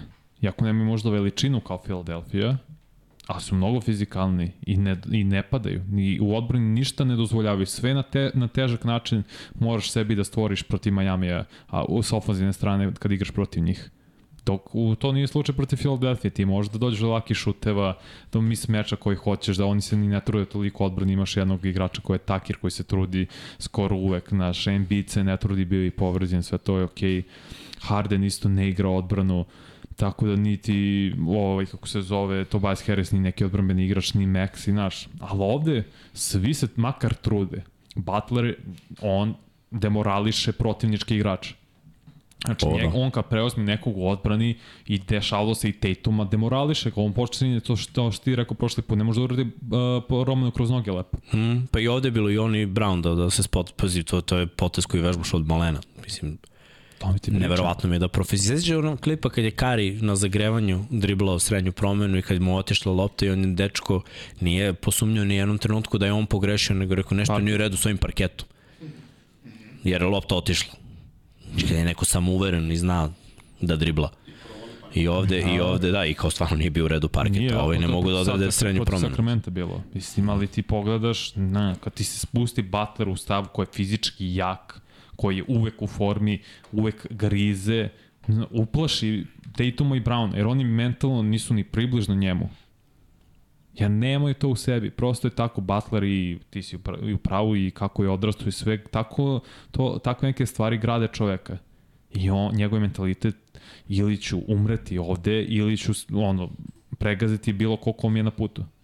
Nema dalje. I zato ne mogu da ga prođu, zato su uplašeni kad igraju jedan na jedan sa njim. Nećemo da govorimo, ajde Borovo, hoće li Jimmy povesti Mare? Ajde da ostavimo to za seriju koja, koja bude išla, da, da završe jedno da i drugo. Vidjet ćemo ko, i ko će da čuva i sve. Ja se nadam da Jimmy neće na Mare. Ima mi smisla da ne ide. Ve, već da plejevi igraju protiv ali Mare. Vidjet ćemo, mislim, ali vidjet ćemo opet, da. I moram kažem, Vincent, Robinson i Caleb Martin, pogotovo Caleb Martin su imali 60, 69 pojena kombinovano sinoć. Mm -hmm. Martin čitav playoff igra neverovatno. Stvarno. Ne, i Vincent wow. rešava šuteve, jako, znaš, iz driblinga šuteve rešava. Ajde krenemo od njega, 29 poena, mm -hmm. u play-offu najbolji strelac ove utakmice, 11 14 iz igre, Breton je tri puta promašio. I to su tri trojke. Mikson šutira iz igre za, ovu, za finale konferencije preko 60%, Jeste. za 3 poena preko 55%. Ajde, Jedno deluje, bacanje nije omašio. Ja ti deluje malo iz prednje promene polu distanci njegove Iversonske. Bar malo. Da, malo. Iz prednje promene, onaj crossover i onda step taj back. blagi side step, step back kako kad. I sv, ne znam, ba, ba, baš lepo delo, iskreno. I momak je baš košarkaš i on je bio uh, na TNT-u posle, posle mm -hmm. tekme sa Šekom, Barklijem, Kenijem. I te priče, ovaj, ta, tačno si video kako on razmišlja, znaš. I ovi su ga baš pitali, ajde kao da ne, ne pominjam opet Nenderton, bla, bla, bla. Kao ja sam košarkaš, on, i ja razmišljam kao košarkaš i znam šta Tako se od mene traži, ovo je bila utakmica. Mislim, 35 minuta je igrao tri promaša iz igre. Mislim, a pritom ima skokove, ima asistencije, igra odbranu neumorno. Struz 10 poena, 13 poena, Debajo, uh, Butler 16. Mislim, ljudi razumite, ovo je za tri četvrtine, jer ovde niko nije igrao više od tri četvrtine. Znači, najduž, najviše su igrali Butler i Vincent. Vincent imao 35, znači i 31 minut Butler. I Martin imao 35, 18 pojena za njega, 7 od 11 iz igre isto. 22 pojena za Robinsona, 23 minuta, 7 od 11 i on je imao iz igre.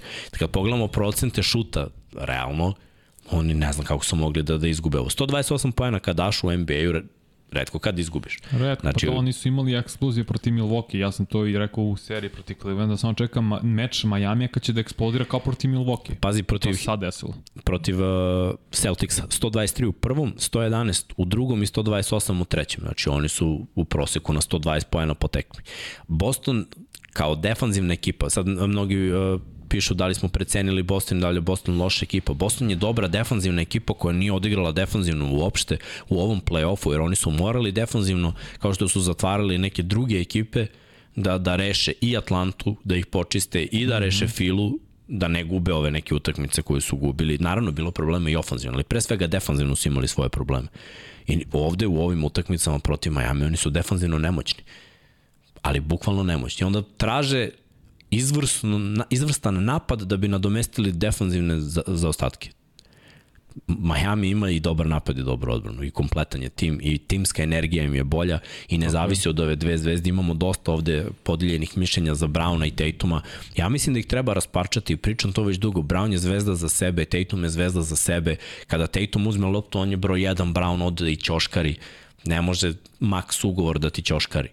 Mislim da e, ta težnja da se naprave Steph i Clay, to je nemoguće. To ja možda samo u Golden State-u može, da dva beka budu na, na, ono, na jakim Dobro, zato ugovorima, što... zato što su igrački totalno različiti. Tako je. Clay Jer Clay Thompson. izlazi i šutira trojke, ne ide, je. a Steph je druga priča. Ovde je možda najbolje Bostonu da jednostavno puste Jelena Browna, da se on razvija, da ide dalje, da proba da bude superstar broj 1 negde u nekom drugom timu.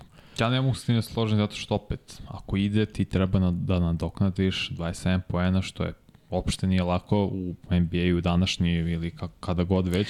Dovedi Kairija, brate. Opet, a? Opet. Nemoj. Ne, a? Nemoj. Znaš koga treba da dovedu? Koga? Chris Paula. Njima treba playmaker, to je neko napisao. Treba im playmaker. Slažem. I njima stvarno treba playmaker koji je Chris Paul koji u ovom ovim godinama prosto nije više broj igrač jedan niti dva, nego više služi kao neki klasičan play.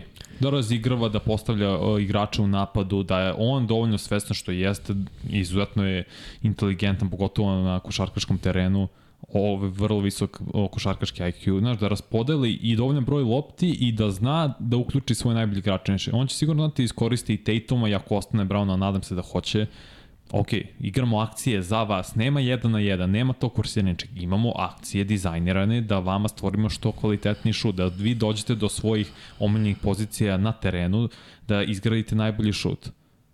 I, pre, I to naravno i oslobađa i Tatum pravno da drndaju toliko loptu što je dodatni umor za njih, da ti konstantno stvaraš iz 7, 8, 9 driblinga iz konstantnih rolla sebi akciju, ne Chris Paul je playmaker, on će ti stvoriti akciju ili ćeš ostati u nekim momentima sam, kreirat će, tako da ono, imaš ćeš više snage u odbrani i nema potrebe. Tebi treba play, to je Chris Paul. Treba njima još nešto, ali ajde, ajde da kažem onda... Razumem tvoj, tvoj razum. Razumem tvoj razum. Jeste teško nadoknaditi te poene, ali ovako malo remetiš. Mislim, za velika dela, ja mislim da, da ovako ne može da se dođe do velikih dela. I tačno je Miami ufalilo malo prošle godine, izgubili su 4-3 od ovog istog Bostona. Mm -hmm. I sa, gledao sam konferenciju za štampu ponovo Jimmyev, koji je bio u fazonu, vratit ćemo se mi ovde i vidjet ćete, bit će, bit će druga priča. I vratili su se ovde i druga je priča. Imamo pitanje da li smo gledali uh, intervju Mazule nakon utakmice, ja jesam i da. ok, od trenera, mislim, evo ja sam bio trener, pa mogu da kažem iz mog ugla, znaš kad bi prihvatio krivicu za, za igrače koji e, nacrtaš im i objasniš i vežbaš na trenizima, uradiš sve kako treba i oni ne mogu da izvedu. Sad, on je teo da ispadne, da da ono, primi metak za ekipu, da izađe i da kaže no. moja je greška. Ne, nije tvoja, uh, jeste i tvoja, ali je greška vaša. Tvoje. Jer, uh, ajde ako on može da postavi neki bolji napad i da ih natera i da pravi bolje rotacije, to su sve njegove greške koje se provlače ceo playoff, ne samo ovu seriju. Ali, mislim, defanzivna zamisao je dobra, samo je bilo previše otvorenih šuteva. Koliko je bilo otvorenih šuteva na ovoj tekmi za Miami? A bilo je mnogo, ali opet to je sve i... Ko je poslednjih 5-6 godina najbolja ekipa u odbrani trojke? Oni zato što preuzimaju sve, energija im je pala i možda i njegova greška što ne zna da ih stimuliše, ali iskren da budem manja, meni trener nije trebao da me stimuliše. To moraju igrači međusobno, to je timska energija. Zato Ja, ja kad vidim svog saigrača da gine, da, da se trudi, ja odmah želim i ja to da uradim iz poštovanja prema njemu i svim tim treninzima, celoj sezoni koja je prošla, želim da dam ono, i da znam da budem, znaš, ono, čiste, mirne glave, čiste duše, da sam dao sve od sebe. A oni ne mogu to da kažu. Al Horford se smeje na svojoj konferenciji za štampu, kao pa, kao nije kraj, vodimo 3-0, šta bre nije kraj? Slažem se s tobom, ne, ne daju sve od sebe i to je i, na, kaže, zato sam spomenuo Smarta, on je prethodne godine bio taj koji podiže ceo tim. Ta energija, znaš, sa klupe često ulazio, on je živah, on, on gine na terenu da svi prate njegov primer, ali ti kada omašeš 59 šuteva sinoć, mislim, oni su imali 21 ofanzivni skok, što je suludo, što je mnogo, ali i uprko s tome ti si gubio skoro 30 razlike. Zato što si pao sa samopouzdanjem, ne ide ti, odustao si, malte ne mislim, smešno je što Pritchard i Grant Williams imaju najviše poena u četvrt, četvrtini kroz ove tri utakmice. Pritchard i Grant Williams. Mislim, Da. evo se šalimo, stvarno je i to smešno. Ali opet, ne znaš, to, ka, ne, to neopisivo nema Boston. Znaš, i treba opet uh, Brad Stevens, koji je kao Pat Riley predsednik košarkaška operacija, da kaže ostajemo sa Mazulom, on je vaš trener, ne zanima me šta ćete vi da kažete, kako se hoćete. Kao što je Pat Riley uradio kad je došao LeBron Wade Bosch, kad je angažovao, kad je i dalje bio zapravo trener uh, Spolstra i teli su da Pat Riley preuzme tim. Ne, on je rekao ne. Pat Riley, uh, Spolstra je vaš trener. Nema žaljenja kod mene. Ja podržavam Spolstru, snađite s njim, morate. Tako isto Brad Stevens treba da uradi. Mm. Neće sad Brad Stevens sledeće godine da dođe i da bude trener ponovo, nego Joe Mazzulla je trener, njega slušajte, igrajte za njim, ja ne znam u čemu je vaš problem, što ne dajete sve od sebe. Da, ma ko zna, no, znaš, možda su se i zasitili i sve. Ajde da pri- pričamo ovako, uh, nevezano za, za ovu seriju. Uzmemo uzorak od posljednjih 10 godina, pošto, ajde kažemo, se košarka promenila u posljednjih 10 godina. Koje ekipe idu back to back u finala? Golden State Warriors i LeBron James Cleveland Cavaliers i oni. i to je to. I vidiš koliko mlađe ekipe imaju problem da budu konstantne. A, koliko, da trpeti pritisak, a, trpeti promene stručnog štaba, promene igračkog kadra, mm -hmm. a, trpeti a, s, povrede isto, mislim, ima i toga. Sastavni deo. I, i, I ti moraš da sve to prebrodiš i da ostaneš konstantno dobar, da uvek mentalno budeš spreman da nastaviš i da napreduješ. Seti se decenija ranijih, evo pa i ovo što si nabrao, znači imali smo jednu dinastiju Golden State i Cleveland koji se vraćaju, to su bila ta finala. Nakon toga, evo možemo da kažemo da će Miami sada biti dva puta u finalu, Boston je bio jednom, Milwaukee, Milwaukee je bio jednom, Toronto je bio jednom. I eto taj Milwaukee uvek nekako prva ekipa je tako, Miami je bio prošle godine prva ekipa, ali da kažemo su top 3 Boston, Miami, Milwaukee, ali ne mogu konstantno da ostanu i da se plasiraju u ta finala. Znaš Gledaj zapad, gledaj zapad. Ovo je završio. Gde ćemo da nabrojimo ko je bio sve, Phoenix je bio jedne godine, pa opet ne mogu da pronađu pravi recept. Golden State je bio prošle. Golden State je bio prošle, Lakers je u bubble. Lakers je u bablu, možda Pre da toga, eto, on, Golden State od 2015. do, do 19. tih Mi se nadamo, godina. nadamo nekako da će Denver sad u svoje prvo iako su bili prošle mm -hmm. godine u samom vrhu a, zapada ove godine najbolji tim na zapadu, ali nekako mi deluje da, da ekipe ne mogu da prepoznaju da je to to da im treba da, da, da budu zajedno, da budu jaki, da prebrode nekako sve, da budu mentalno jaki, kao da to fali, da bi, da bi to bila finala. Da se desi opet neko rivalstvo okay. i da nađemo opet dve ekipe. A pazi, kvalitetom imamo ekipe koje mogu da ponove to. Kapiram šta, šta želiš da kažeš, ali ti sad uzmeš najbolje igrače koji su u NBA-u manje od 10 ili manje sezona. Samo Janis ima titulu. Realno.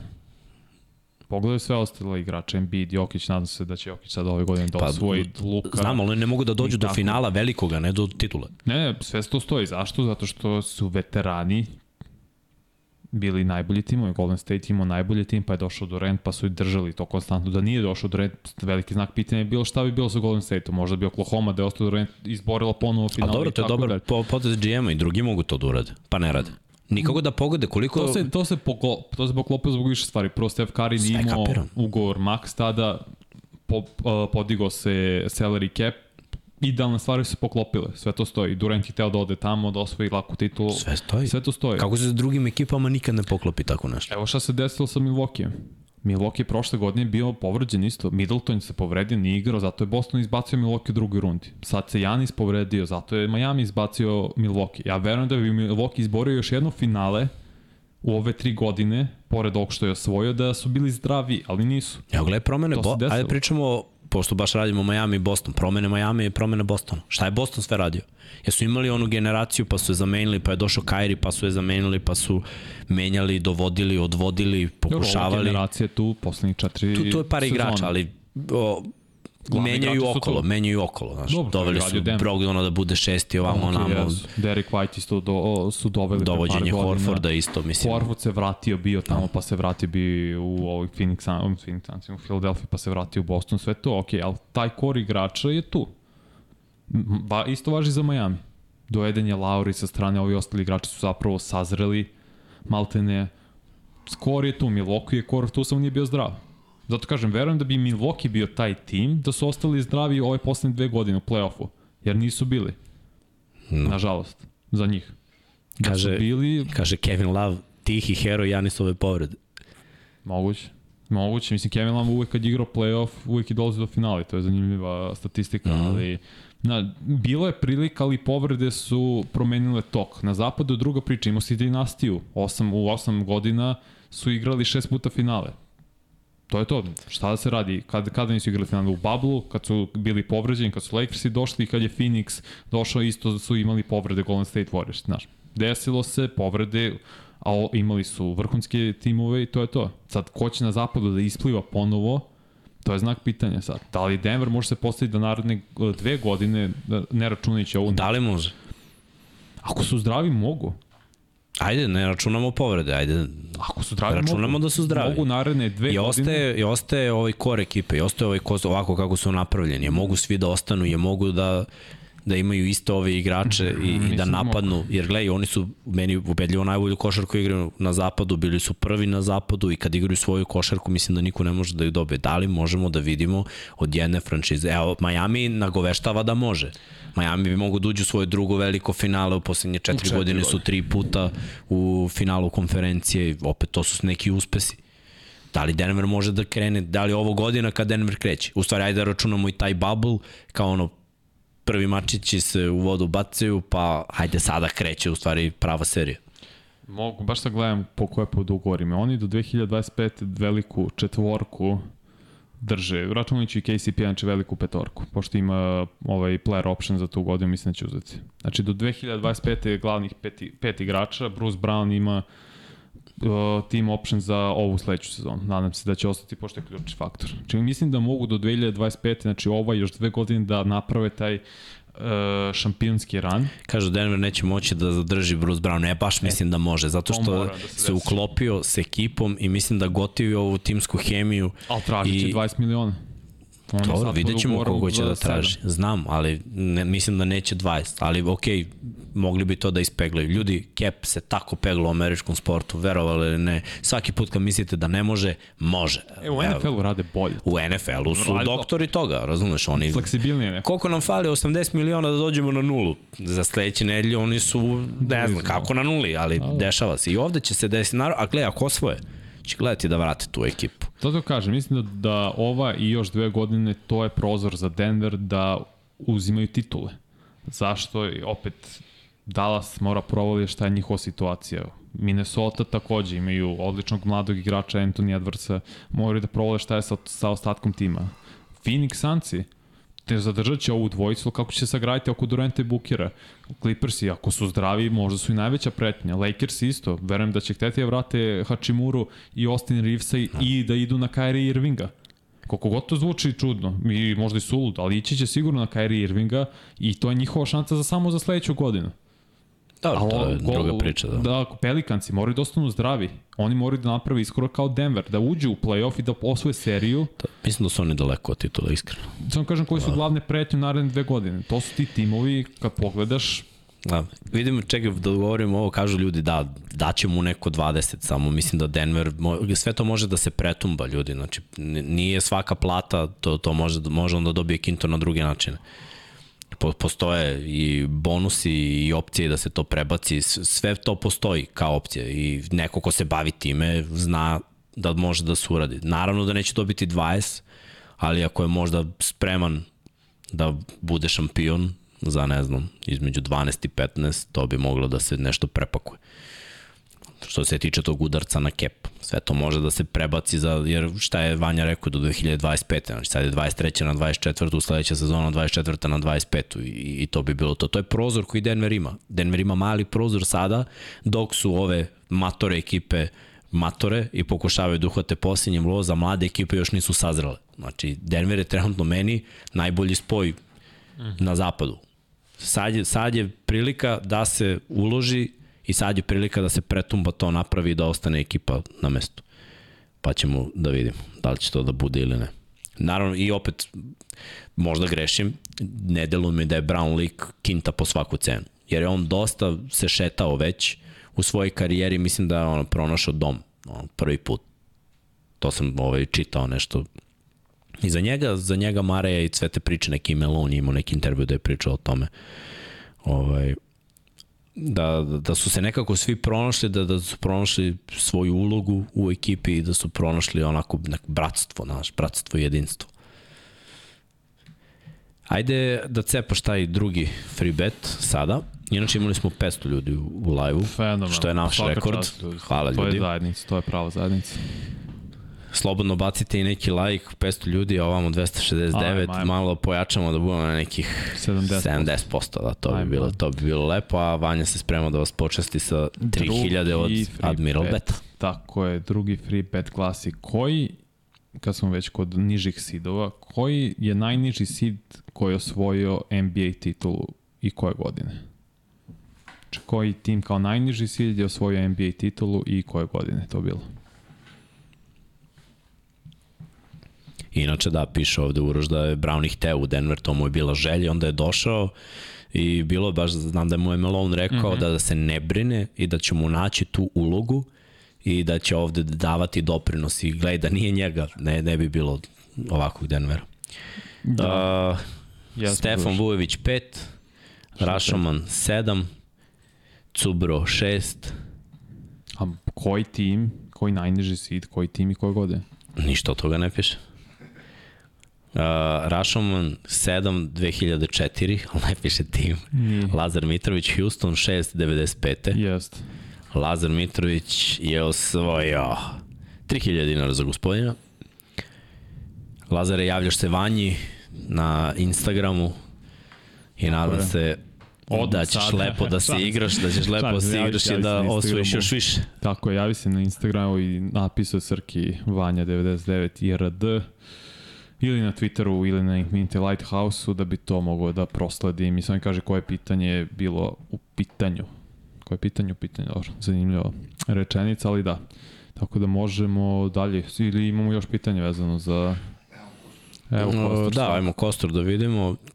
Kao što vidite, 3-0, 3-0, to jest 3-0 i 0-3, a tako bi trebalo da bude i Miami sada kod kuće ima priliku da završi, Denver ima u gostima priliku da završi.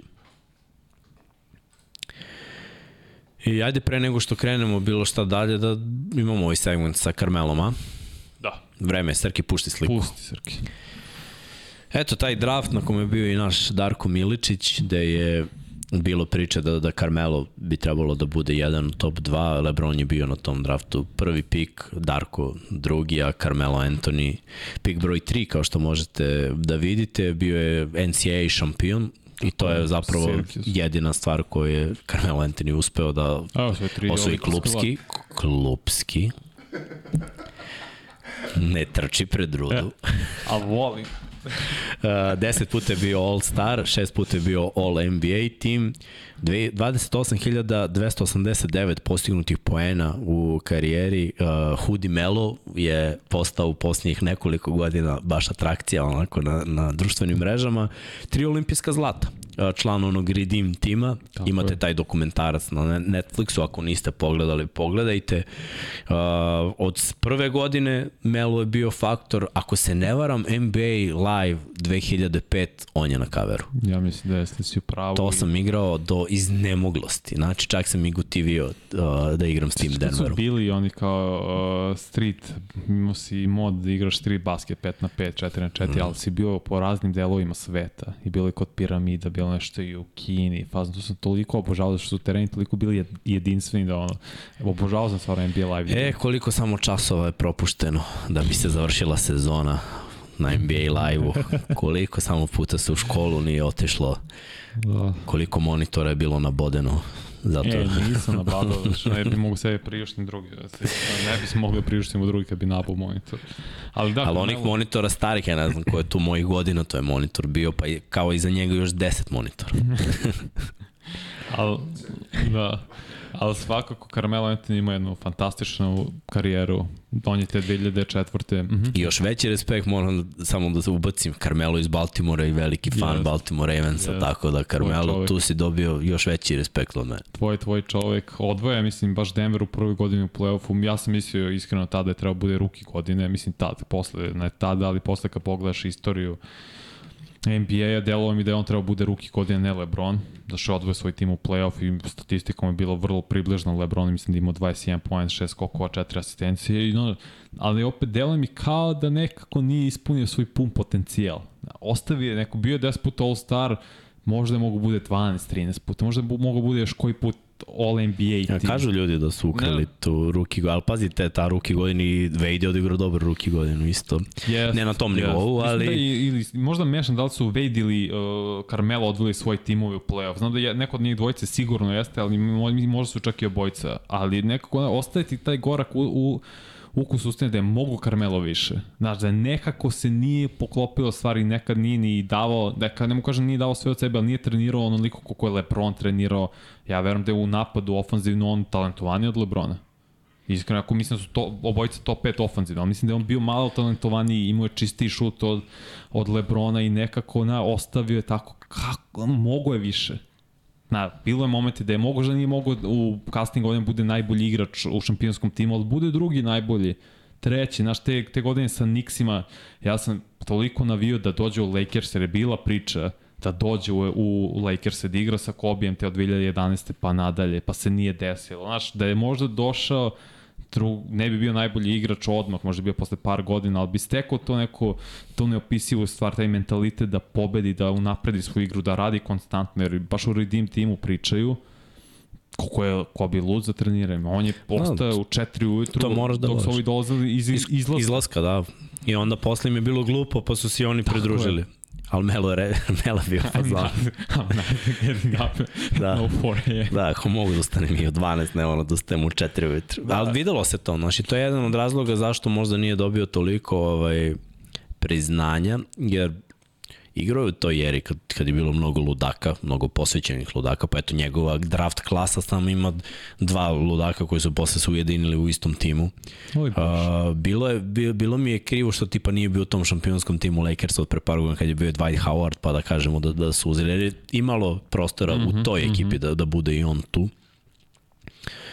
Ali nekako naj, naj, najviše se, ga se sećam po dobrom, u onoj seriji kada je Kobe zapravo otišao u finale, kada su bili ovaj, 2009. te, ta generacija kada, kada su imali Kenjona Martina i Iversona Nije i, bio Iverson, bio Billups. Ne, ne, ali i, i ta posle sa, sa Iversonom, i, isto mi je bilo, Be, Baron Davis je bio, beš, ko je bio još? Nije, nije, Iverson je bio pre Billupsa 2008, pa su Da, tradeovali u Detroit Iverson za Billupsa. Da, da, I došli je do došao finale posle. konferencije. Ali imali su par godina onako neku priču. Bilo mi je nešto simpatično da ih gledam. Nije se desilo. Glaze tad, brate. Ja nešto zesao Glaze, on je bio vrhunski igrač. Linus Glaze. Pa da, jeste. Izvijem što se prekinuo, da sad setio da je i Glaze isto igrao tada. Da, imali su, gledaj, bilo je bilo je često. Onda otišao u New York, propao u New Yorku. Ja bih rekao da je New York bi, bio veliko očekivanje i sve i, i nije se jednostavno desilo, menjali su neke timove i onda po, post, kad je krenula priča da je Carmelo problem u Njujorku, tu mi se malo smučilo, ali dobro, to je već neki narativ koji uvek pratite velike američke gradove za bilo koju igrača zvezdu, ako nije timski uspeh, mada ne zavisi timski uspeh nužno uvek od jednog igrača. I ovaj, baš, sam, baš sam gledao gde će da ode dalje, šta će da bude, kako će da igra i eto, opet igraju u tim veteranskim godinama solidno, pogađaju neke šuteve. Yes. I stvarno je došlo vreme ipak da, da, da kaže kraj.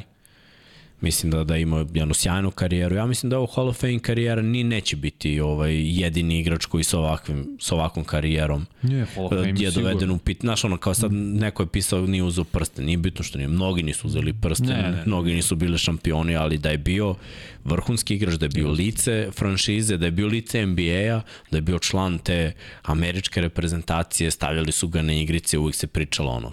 Carmelo, od kad je ušao u NBA, očekivanja su bila velika. Nije Yes. ih ispunio do kraja. Ali opet moramo da kažemo u njegovu odbranu, bili su neki drugi momci ko, koji su ovaj, igrali na jako visoko našu. Ipak je bio u eri San Antonija i ono malo Kobija i Lakersa, pa su se pojavili Golden State Warriors i kad je otišao na istok LeBron. Mislim, LeBron je na istoku bio institucija deceniju. Jeste, mislim, prvo kad je otišao on na, u Nixe, Lebron i Wade su tada i Boš igrali zajedno.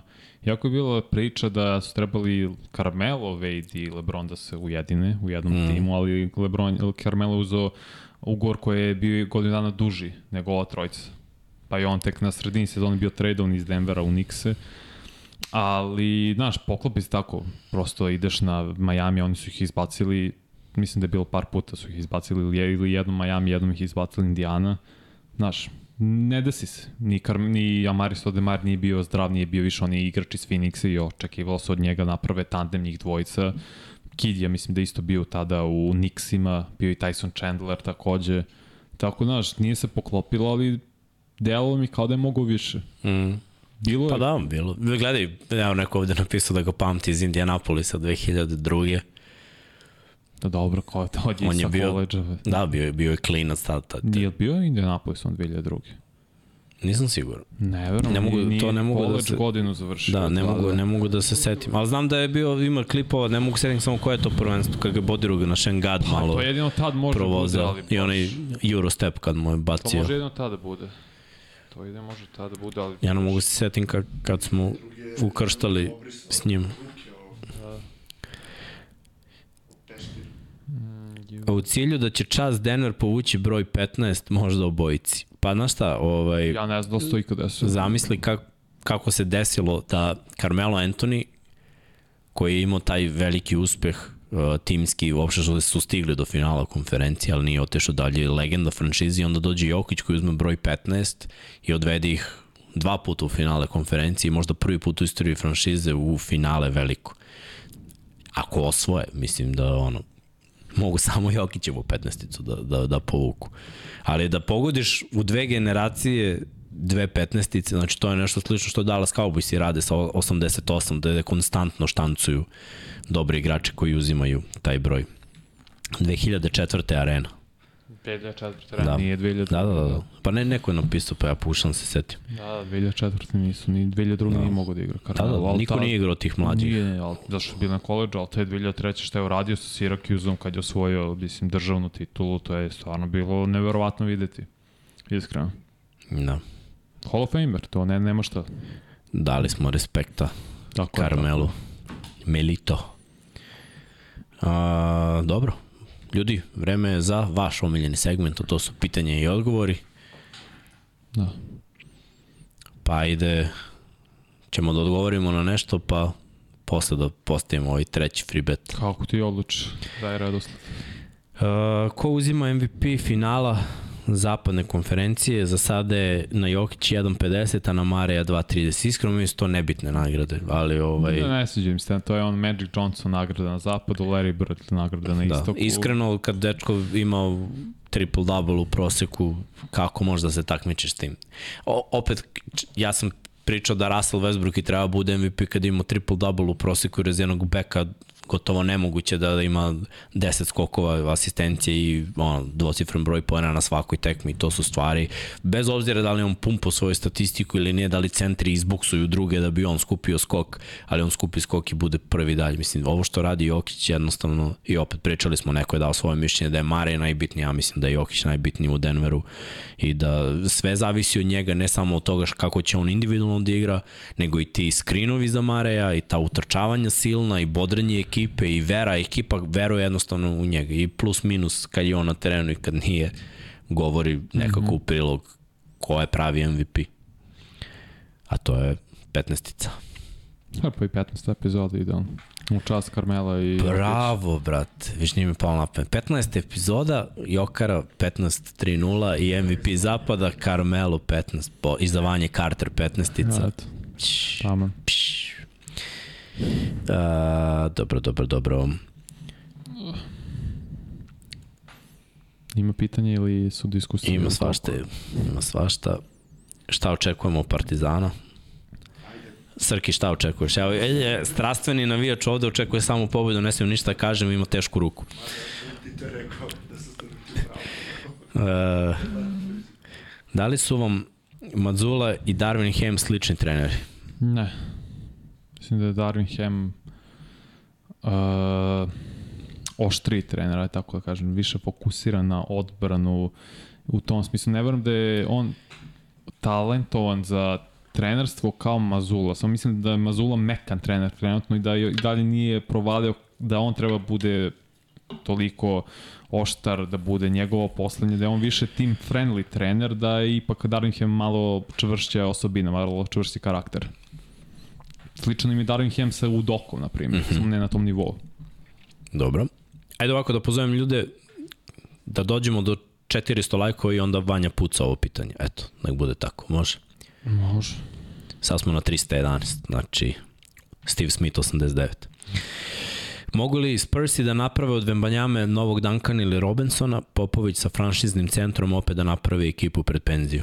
Pa mogu, ne mogu toliko brzo, se razumem, ali sam vidio, pročito sam da će i Ginobili, i Parker, i Duncan biti kao savjetnici Vembanjami i mentori, u suštini, što uh mhm. -huh. mislim, ono, za svakog navijača Sparsa je velika stvar i ne Velika. može bolje. Baš to, baš to. Stvarno ne može bolje, tako Ali da... treba će, znaš kad je došao Duncan, imao je Robinsona, pa je bila neka tako starija je. ekipa, pa posle, ovaj, kako god je neko dolazio, postala neka hijerarhija, znalo se ko je tu mator, ko je tu vadan, sad su mhm. klinci je mnogo teže da se ponovi nego što je bilo. A, već par puta imamo ovde da, pitanje da komentarišemo Šeka koji je rekao da nije kriv Manzula nego igrač jer Superstar mora sam znati kako se igra. Naravno. A, njima je Phil rekao samo idemo. Mislim, opet govorimo o tom nekom mentalitetu, ja kažem trener može da preuzme odgovornost, ali nekad nije do trenera. U ovom slučaju bilo je malo do taktičke postavke, i razumem zašto je hteo to da uradi, onako da bude žrtveni jarac, ali definitivno su igrači morali da kažu. Tako da ono, Šek je ipak igrao u nekoj eri gde te niko nije mazio i pazio. A u ovoj eri, nažalost, se igrači mazi i paze.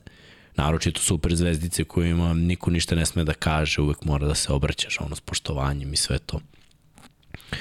Mislim da, da zato ovaj, se dešavaju ovakve stvari koje se nisu dešavale toliko pre. Kažu, sramota što Spolstra nikad nije osvojio trenera godine. Naročito sad. Ajde ovo pre, pa da mu pripišeš na igrače, ali... Pa možda treba da osvoji kad su bili prvi jer to bilo prošle godine, mm. pre dve kad su bili najbolji tim u konferenciji, možda je tada trebao, ali opet teško da daš tada treneru priznanje kad imaš Lebrona, Vejda, Boša u timu, ideš četiri godine za redom u finale, imaš najbolji najviše pobjede u konferenciji, naš, tad mu je teško dati, ali možda je trebao sad pre poslednjih par godina da čisto ipak ima jedno. Imamo jedan baš jako, jako komentar. Ostatak sveta kaže, Mega će imati dva igrača u finalu NBA. Jović. Jović i Jokić. Uh, naša najbolja ekipa po pitanju perspektive reprezentacije. Pa, ispostavilo se. Pazi, od kad je Milojević došao, tamo meni je delovalo ok, ovde se radi nešto malo drugačije. Mm. Mislim da dosta znači kad očekivanja nisu ogromna. Mislim da veliko očekivanja naša dva najbolja tima ih stavljaju u situaciju da uvek mora. Mislim, imali smo i mi taj problem da moraš da ovaj, razmišljaš o evropskim takmičenjima, dovođenjem importa, znaš, mora da dovedeš Amerikance, mora ovo, mora ono, ti trpi malo tvoj kadar. Naravno. i ne ulažeš toliko u mlađe generacije. Ali budućnost svakog sporta je u mlađim generacijama. I, ko, svako ko je radio ikada sa mlađim generacijama, ja mogu da kažem da, da, da sam odvojio godine za to, ovaj, u želji da, da, da se to po, popravi malo u mom sportu, uh, definitivno da, tu je budućnost. Ali moram isto da kažem da da ove novije generacije jako je teško raditi s njima. Nemaju, nemaju baš mentalitet. Ili smo u stvari mi s nekim našim mentalitetom ovi. Mislim, naš mentalitet je isto nasleđen od ovih generacija pre nas. I možda se tu stvorio neki jaz koji je nepremostiv, jer, znaš, jednostavno, mi ne znamo mekano, a oni ne mogu da prepoznaju ovaj način. I verovatno i toga ima i u Americi, verovatno toga ima i u ovim timovima. De, za, zato je neki trend u svim sportovima da budu mlađi treneri, da, da bi nekako mogli da, Yes. Da skapiraju te mlađe generacije. Uh, hoće li se Denver večeras opustiti ili će nagaziti? Ja Pitana. bih volao da nagaze. Da nagase i da ugase Lakers večeras, da im ne daju ni jednu priliku da se ponadaju, kao uzeli smo jedan meč, ne, ne. Nema puštanje gasa, ideš fu- full snagom, 100% daješ sve od sebe u nadi da završiš što pre, da bi imao i što veći odmor na kraju krajeva, mislim. Da mi si sad završi večeras do 1. juna, znači sledeći četvrtak, čini mi se, imaš slobodno. Tamo da se svi oporave lepo, tako da što pre završiš seriju, uvek, uvek bolje. Mm, hoće li Mare preoteti Slavu Jokar i odneti MVP finala zapada? Pa ne, ne volim, ti si rekao, ne volim ja to finale, nagrada za najbolji igrač u finalu konferencije, to je izmišljeno od prošle godine ili pre dve, mislim, to je ništa ne znači za nečiju karijeru, niti za rezime, niti za Hall of Fame slučaj, ni bilo šta, to je izmišljena nagrada i ja, ja to ne prihvatam, mislim, to stoji tu postoji, ali ono, skoro, irrelevantna je skroz nagrada. Nevažno je ko će biti fin, MVP finala konferencije, već je MVP fi, NBA finala što samim tim znači taj tim osvojio. Imamo pitanje šta očekujemo od Dončića naredne sezone. E sad, uh, nastavak pitanja, Haris Selimović kaže da li može napasti MVP i odvesti Dallas do finala konferencije. Pazi, nije do njega, jer prvo front office mora da uradi svoj posao, da naprave tim oko njega mm -hmm. i to se, evo Denver koji je stigao do toga, to se radilo godinama, jer oni su imali Gerija Harrisa i Jamala Mareja je. kao jednake, Jusufa Nurkića i Jokića kao jednake na poziciji centra, pa su otpustili Nurkića, pa su gradili oko Jokića, pa je bilo da li Harris ili ne, pa nije Harris taj, ajde idemo dalje, pa ajde dovedi nekog, pa ajde da probamo ovo, pa ajde da probamo ono, pa traži sa Jeremy Grantom, pa traži, traži četvorke dok nisu buli Gordona neko ko može da igra defanzivno i onako malo da napravi neki streč, pa traži bira igrače koji bi mogli da budu dobra trojka, jer nam trojka fali, dovedi veterane. I pazi koje, koliko dugo traje taj proces da bi ti sve tubo. Ja sam godinama radio u Denveru u play-offu. I oni nisu mogli da premoste ne, neke stepenice, znaš, bilo je ono Portland ovamo, pa ona, i tačno vidiš to je ekipa koja stasava. Uh, Dallas je ekipa koja je napravila razliku prošle godine, jer su imali Dončića koji je genije, virtuoz, i imali su Bronsona koji je radio dovoljno dobar posao. Ostali su bez Bronsona, probali da nešto pokrenu, nije se desilo, ali pazi koliko fali toj ekipi. Za početak, centar, defanzivna prisutnost uh, na četvorci, neki streč, pa da ako ne 3D. ostane Kairi, znaš, fali mi back shooter, Mno- mnogo toga fali, timska tim. odbrana, sta, uh, pa uopšte čitava taktička zamisao, ne, i, može onda bude MVP, ali da dovede tim do finala, to, to je jako teško. Onda bi bio MVP koliko vidite u Americi, važno je samo da Prangija daje poene, ako bude imao statistiku koju on ima, zašto to uopšte nije nemoguće? Teško je timski uspeh da ima, zato što treba ceo tim da se obnovi, treba im krila koje će šutirati sa tri pojene, igrati vrhunsku odbranu, treba im i veličine i mase. Mislim, oni su tanak tim, mali su tim, znaš, ni Woods nije neki centar, on ima kao visoki koliko Michael Porter Jr. i slične građe. Treba im od svega pomalo i treba Dončić da se promeni, da više ne kuka toko za falovima, da se uozbilji što se tiče treninga, da ne može da dođe u početak sezone dve godine za redom da je van forme, da ima kilograma viška, to je nedopustivo koliko onda je genij, da ima svoje poene, ali mora da uvede sebe u red, da bude fizički još bolji i da se ne žali toliko. Što je na kraju sezone postalo stvarno umorno, a, umorite to njegovo žaljenje konstantno na sudije. Ja obožavam njegov mentalitet i stvarno želi svaki put da pobedi, ali to ta želja postaje sve više više žaljenje žaljenje na to što ne dobija faulove. Tako da ono, ne krene od To tebe, radi a cela liga. Mislim, imamo ovde pitanje zašto je nestala odbrana u NBA i kaže, gledao sam neku utakmicu od pre 15 godina, bila je borba i košarka zvezde koje su bile zvezde su ginuli do zadnje kape krvi, sada samo statistika. Se- Sve to vuče taj neki mentalitet da se štediš u odbrani, da se onda tražiš faul, da je sve podređeno napadu i ima to veze i sa tim što tražiš uvek end one. Znaš, to nije postalo moje vreme da ide, ide faul koš, da, da ti bude svaki ulaz. Faul koš, faul koš, faul koš. to znaš. je, Nekad je bilo šmekarski, ne tražiš faul. to je simptom američkih sportova, to se isto dešava u NFL-u. Mm. provalili su, ok, što je više napada, što je više poena, to dovodi, dovodi više ljudi, biznis raste, više para, zanimljivije nekako više se priča kada ima, kad je tako mnogo, na mnogo više poena jedan i drugi sport i tako je već poslednjih 5-6 godina. Imaš pitanje uh, Embiid za Browna i Williams. A Harden ostaje uh, centar. A Harden ostaje u ovo... Fili. Vanja vam je GM, sad će da vam odgovori. Ne, zato što je to malo za Embiida, treba ti pik prve runde isto. Mm. Zato što ti daješ svog najboljeg igrača kao Fila, Bostonu za njihovog drugog najboljeg igrača i startnog centra. A opet to je ono... Mislim da dobija Boston više, dobija igrača koji je, da kažemo, top 5 u ligi Embiida, koji je bio sad MVP, da ga upariš sa Tatumom koji je top 10 igrač u NBA-u, koji je dve godine za redom bio all NBA tim, koji je u svom nekom ulazi zapravo u svoj neki vrhunac karijere, u svoj zenit, prime što bi rekli, Embiid koji je već tu, ti njih dvojcu sklapaš, možda formiraš odmah najbolji tim u, na istoku makar, a s druge strane šta dobija Philadelphia dobija Hardina koji ima 34 godine, koliko 33, sa novim ugovorom, što znači da će igrati vrlo sličan stil igre svoje, ako dovede još trenera koji to podržava. Dobijaš uh, Browna koji kako bi se snašao u toj roli.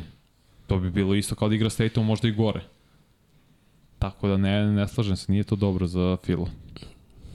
Ja mislim da nije dobro za Phil. Ali za, za Boston je dobro.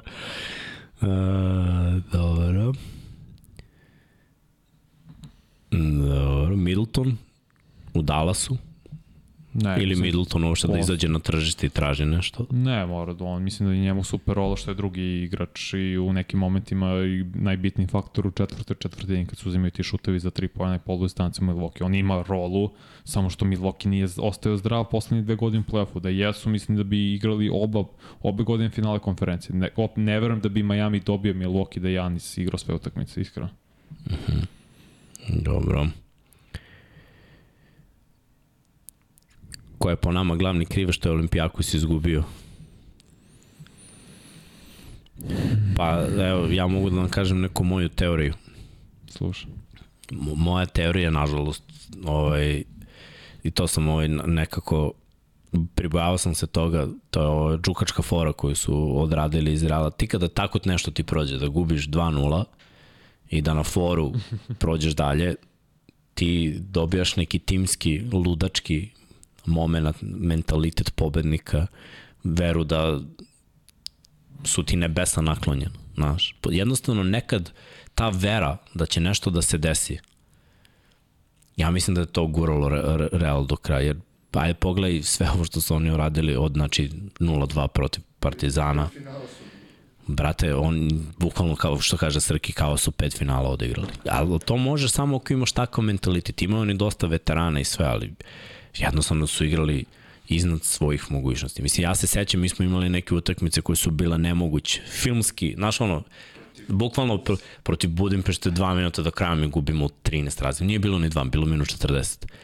Znači moramo da damo touchdown, da damo extra point, da uradimo onside kick, da uzmemo loptu i da damo touchdown i extra point da pobedimo. Ovi već slave na, tamo na njihovom sideline-u. I mi pobedimo u posljednjoj sekundi, jer sve ovo što sam rekao se desilo, razumeš, tim redosledu. Nemoguće. Znaš, ali kad jednostavno veruješ i nakon toga, svaka velika utakmica, ti veruješ. Ispa, provociraš protivnike, radiš sve ono, ali, mislim, na kraju dođe na, dođe na svoje. Tako da, ovaj, bez veze, A, znaš šta, više me boli.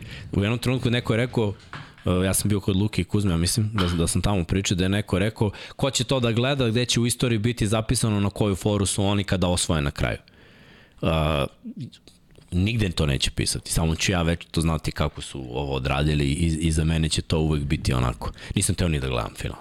Eto, tako Ja da, gledao. znate, ja final nisam gledao. Ja sam gledao malo i vidio sam ono dosta omaša ime Kisika isto. Tori Vezenko je bio dobar većinu meča, ali za tri šutno 2 od 8, znaš. Nekako, kažeš ti, veterani Reala preduzeni ljuljom su rešili to. I ovo je njihov, Yes. ja mislim, poslednja bio voz za još jednu evroligašku titulu. Ova trojka Rudi, Ćaća i, i Ljulj. Tako da, lepo su završili. Ne Cigan. kažem da idu u penziju, nego sam kažem da su ono, Cigani španski. Iz disrespekta idemo u Barcelonu, u Madrid neće. o, Barcelona, Barcelona lepši grad, svakako. Pa naravno. A, dobro. Da, inače, ovaj, ja Vanja, ja mislim da više volim NBA. Ja mogu kažem za sebe, ja više volim NBA. Pre sam voleo Euroligu i pratio, kažete, ono, kad sam išao da gledam Partizan kao mali od šeste godine do neke 13. dok su igrali od 2003. do 10. Euroligu, tad sam išao na skoro svaki meč Partizana i volao sam da gledam Euroligu i baš sam i detaljno pratio i obožavao Montepaski Sijenu i taj, mm. i taj njihov uh, tim tih godina predvođeni ovi, kako se zove sad, playmaker McIntyre i sve to, i Romain Sato i, ono, i volao Panathinaikos zbog Dimantidisa. Ali nekako ono, kad Partizan nije u Euroligi, neko se, i tu sam ispratio narednih par godina kad Olimpijakos osvajao sa Dudom vezivo ove titule, onaj koš Porzingis, ovo je Porzingis, kako se zove, bre, krilni igrač, uh, Printezis.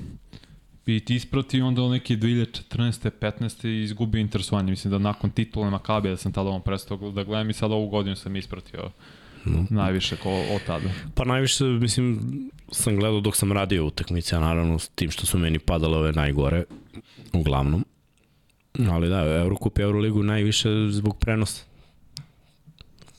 Inače ovako, bi samo inicijativno pogledao ili derbi ili naše timove koje sam gledao, znači i Zvezdu i Partizan, jer stvarno ne navijam, ali imam drugare koji su ono strastveni navijači i volim da sednem. Evo, Srki i ja smo gledali Partizan, sa Mocom sam gledao Zvezdu, sa Veljkom sam gledao isto Zvezdu, jer oni, mislim, sezonske karte ljudi, znaš, ono, vole, idu na utakmice i sve to, meni je lepo, ja volim košarku i volim našu košarku i naše timo. Zvao na utakmicu. Hm? Te zvao Srke me zvao. Zapravo zvao me. E, bravo. Jesi me zvao? I, Karte. imao je, zvao me.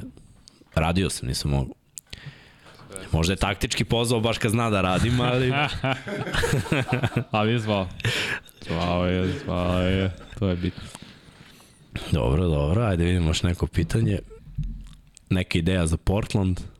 Oh, pa napravio sam trade ideju za Portland kad je izašla Da. unutra, pogledajte, šta je to, 13. ili 12. epizode. Jer imaš tu negde? 13, 13. 13? A mislim da je, da je sklonio to pera. Pa, Pa zato što je u, iz Sorsa, ne znam da li može da ne se znam, pronaći. možda neće. Ako naći, sve okej. Okay. Tom Skinny uvek izbaci svaki, svaki podcast nove. Ukratko, mislim, ideja jeste da se traduje Lillard i da se krene u rebuild, imaš dovoljno resursa i, i dobio bi još više sa draft kapitalom od trade od, Li- za Lillarda.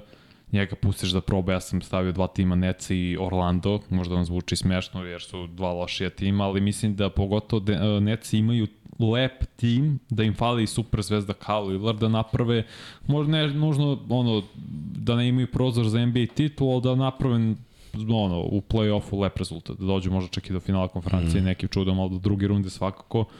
Dok Orlando već bi to bilo malo iznenađujuće, ali im je potreban neki veteran, neka super zvezda da nauči bankere ove mlađe i opet bi ušli u play-off i imaju dovoljno draft uh, kapitala da traduju za Lillarda pre svega Orlando Magic. Moda ima i Neci zato što su tradili Durenta i svi njihovi pikovi Sanca, maltene skoro svi idu Necima u narednih 5-6 godina, tako da ono. Iz to, tog razloga sam izabrao ta dva tima jer sam bio u tom momentu u modu da sam GM Trailblazersa i šta je najbolje za mene, ne i nužno najbolje za Lillarda. To su dve suprotne stvari. Tako da, da se okrenu Shade na Sharpu, Simonsu, imaju trećeg pika da draftuju ovog, uh, kako se zove, Scoot Hendersona ili Brandon Millera, kogod od njih dvojca bude tu, ako dobiješ od Orlanda šesti pik, možeš nekog tu centra da izabereš, jer i samim tim tradeš Nurkić, obnoviš tim i budeš dve, tri godine lošiji, izboriš možda playoff u trećoj godini, tad se obnovio čita zapad svakako, ovi sad timovi i Golden State Lakers i Phoenix će biti loši, to je tvoja prilika uz Denver koji će tad biti vrlo vratno najbolji tim da gradiš nešto i da juriš mm. uspeh u playoffu. Vanja, brate, kako ga obrazložiš skoro da ti poverujem. Bio bi A dobro. ja bih volao za Lillard da ode negde. Drugde. A, ajde da ispucamo taj poslednji free bet, pošto Partizan će da krene, Ajmo. pa eto tamo onda odradimo to i da privodimo kraju. I Srke ovde verovatno želi da, da mi to pustimo treba, pa da on treba. gleda. E, treće pitanje za 5000 dinara free beta od Admiral Beta glasi sledeće. Pošto smo ovo, bilo postavljeno pitanje na početku i to svakog hteo da pitam kao poslednje pitanje, znamo da je bilo 140, 149, uh ne, što sam zapravo tep, aha, da, izvini. Znači sad je 3-0, 3-0. Kada je bilo jedini put da se desilo u finalima konferencije u NBA-u da se obe serije završile svipom, to je čišćenje. Znači, su oba tima otišla u NBA final nakon što su počistili svoje protivnike u finalu konferencije. Kaže Đorđe Pavlović nikad. Desilo se jedno. Opa, Google laže. Evo imamo nikad, Jocika kaže nikad, ćao, kaže nikad, Ja kažem jedno. Ja sam tako pročito i našao. nikad, nikad. Stefan Vujović kaže 1970. Ne. 2011. Ne. 71. Ne. 2017. Ne. 67. Ne. 71. 84. 88. Ne. 2016. Ne. 8. Ne. 94. Ne. 68. Ne. 19. Ne. 67. Nije 67. 69. Ne. 81. Ne. 2007. Ne. 82. Ne. 61. Ja bi sad namerno redom išao. 57. Jest. 57. Da. Pavle Pantović. 57. Pavle Pantoviću je bio tad NBA ili bio ABA? Piše NBA. Pavle Pantović, četiri. Dobro. Pavle Pantoviću... Piše NBA, evo sad ću ti pročitati. Znači, Pantiću. Tad, je, tad se zvalo finale istočne divizije. Gde je Dobro. Boston dobio Syracuse. Dobro. Svi po tri utakmice, 3-0 bilo. Bilo je finale zapadne divizije. St. Louis Hawks su svi povoli Minneapolis Lakers. 3-0. 3-0. Pa lako im bilo kad se igralo 3-0. I otišli su u NBA finale. Da, to je da. bilo tačno pred NBA finale, to se desilo jednom. Tako da je 57. tačan odgovor, eto. Da, da. E, posle je bilo ovih 57. Tačno odgovori i Nenad Dević, ali kasno. Kasno, kasno. Teško je pitanje, stvarno, ja sam mislim da nije nikad bilo, iskreno, baš sam razmišljao o tome jutros, Des, dešavalo se par puta da bude blizu, Evo, mogu da nađem kad je bilo da je bilo jedan, 2019. je bio jedan svi u finalu konferencije, 17. 15. 13. treće, prve, 99. 8. 6. prve, 89. 87. 6. 82. 77. s- 74. 70. 68. i tako. Dešavalo se da bude po jedan Mhm. svip, ali 57. je jedini put za sad bio da je u oba, oba finala konferencije, u tom slučaju finala divizija, bilo svipa. Evo da proverim, kaže Nemanja da je on napisao ranije. Ja znam da drugačije deluje kada vi gledate, drugačije E, da, deluje znači, kada mi gledamo. Bitno je šta Miksa vidi, pošto je ulogovan na Infinity Lighthouse je. kanalu i uključeno mu je uživo ćaskanje, to je live chat. Znači, šta njemu iskači, iskoči prvo i tačno tako biramo. Mislim, Da. ne desi se da je većini ljudi uključeno, kako se to zove, uh, Top chat. top chat, tako je. Ne, Pavle Pantović je prvi, pa je drugi Mhm. uh, sa ovim Nenad Dević, Jasno. pa onda idemo dole, dole, dole, dole, dole, dole. Mislim, sve zavisi, inače signal YouTube-a od našeg live-a kasnije otprilike 10 sekundi. 10 sekundi, da. Ali ne brinite ljudi, bit će još ovih igrica, bit će još zezanja, dobit, će, dobit ćete još nagrada. Srki je ovo već upisao i eto, dobro.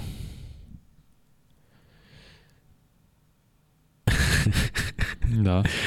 Ovo nije za, za, za live. A, dobro ljudi, ajde da kažemo da, da je to bilo to. Opet, a, drago mi je da smo uspeli da oborimo još jedan naš rekord. Da smo stigli do 500 ljudi u live-u. To je onako velika stvar za nas. A, takođe bi vas pozvao... Nije nije palo ispod 400. Da, da, da, i dalje smo u 400 Fenomenalno. plus, tako da, da vrhunski to je nešto što nam baš prija. I ajde da kažemo ovako, uh, lajkujte se, lajkujte, subscribeujte, da, lajkujte se, lajkujte i sebe, što da ne? Pogledajte se ogledalo i lajkujte sami sebe, valja se. Ovaj, lajkujte, subscribeujte se, ako niste do sada, postanite naše članove na YouTube-u, podržite ekipu, mi hitamo da, da imamo što više subscribera, da, da nas YouTube preporučuje, da, da poraste, ne samo ovaj podcast, nego ceo sadržaj na kanalu, imamo baš dobre planove eh, da, da radimo podcaste vezano za ovako, eh, utakmice koje su u toku, u live ali imamo ideje da radimo neke emisije o franšizama, mm -hmm. da nešto što ćete uvek moći da kliknete kad vas zanima i da pogledate, naravno update-ovat ćemo to kako vreme bude prolazilo, jer imamo u planu koliko ekipa bilo puta u playoff osvajala, bla bla bla bla bla, i za američki futbol i, i za NBA nešto što a, definitivno treba da postoji i na srpskom jeziku, jel te, a zašto ne na našem kanalu.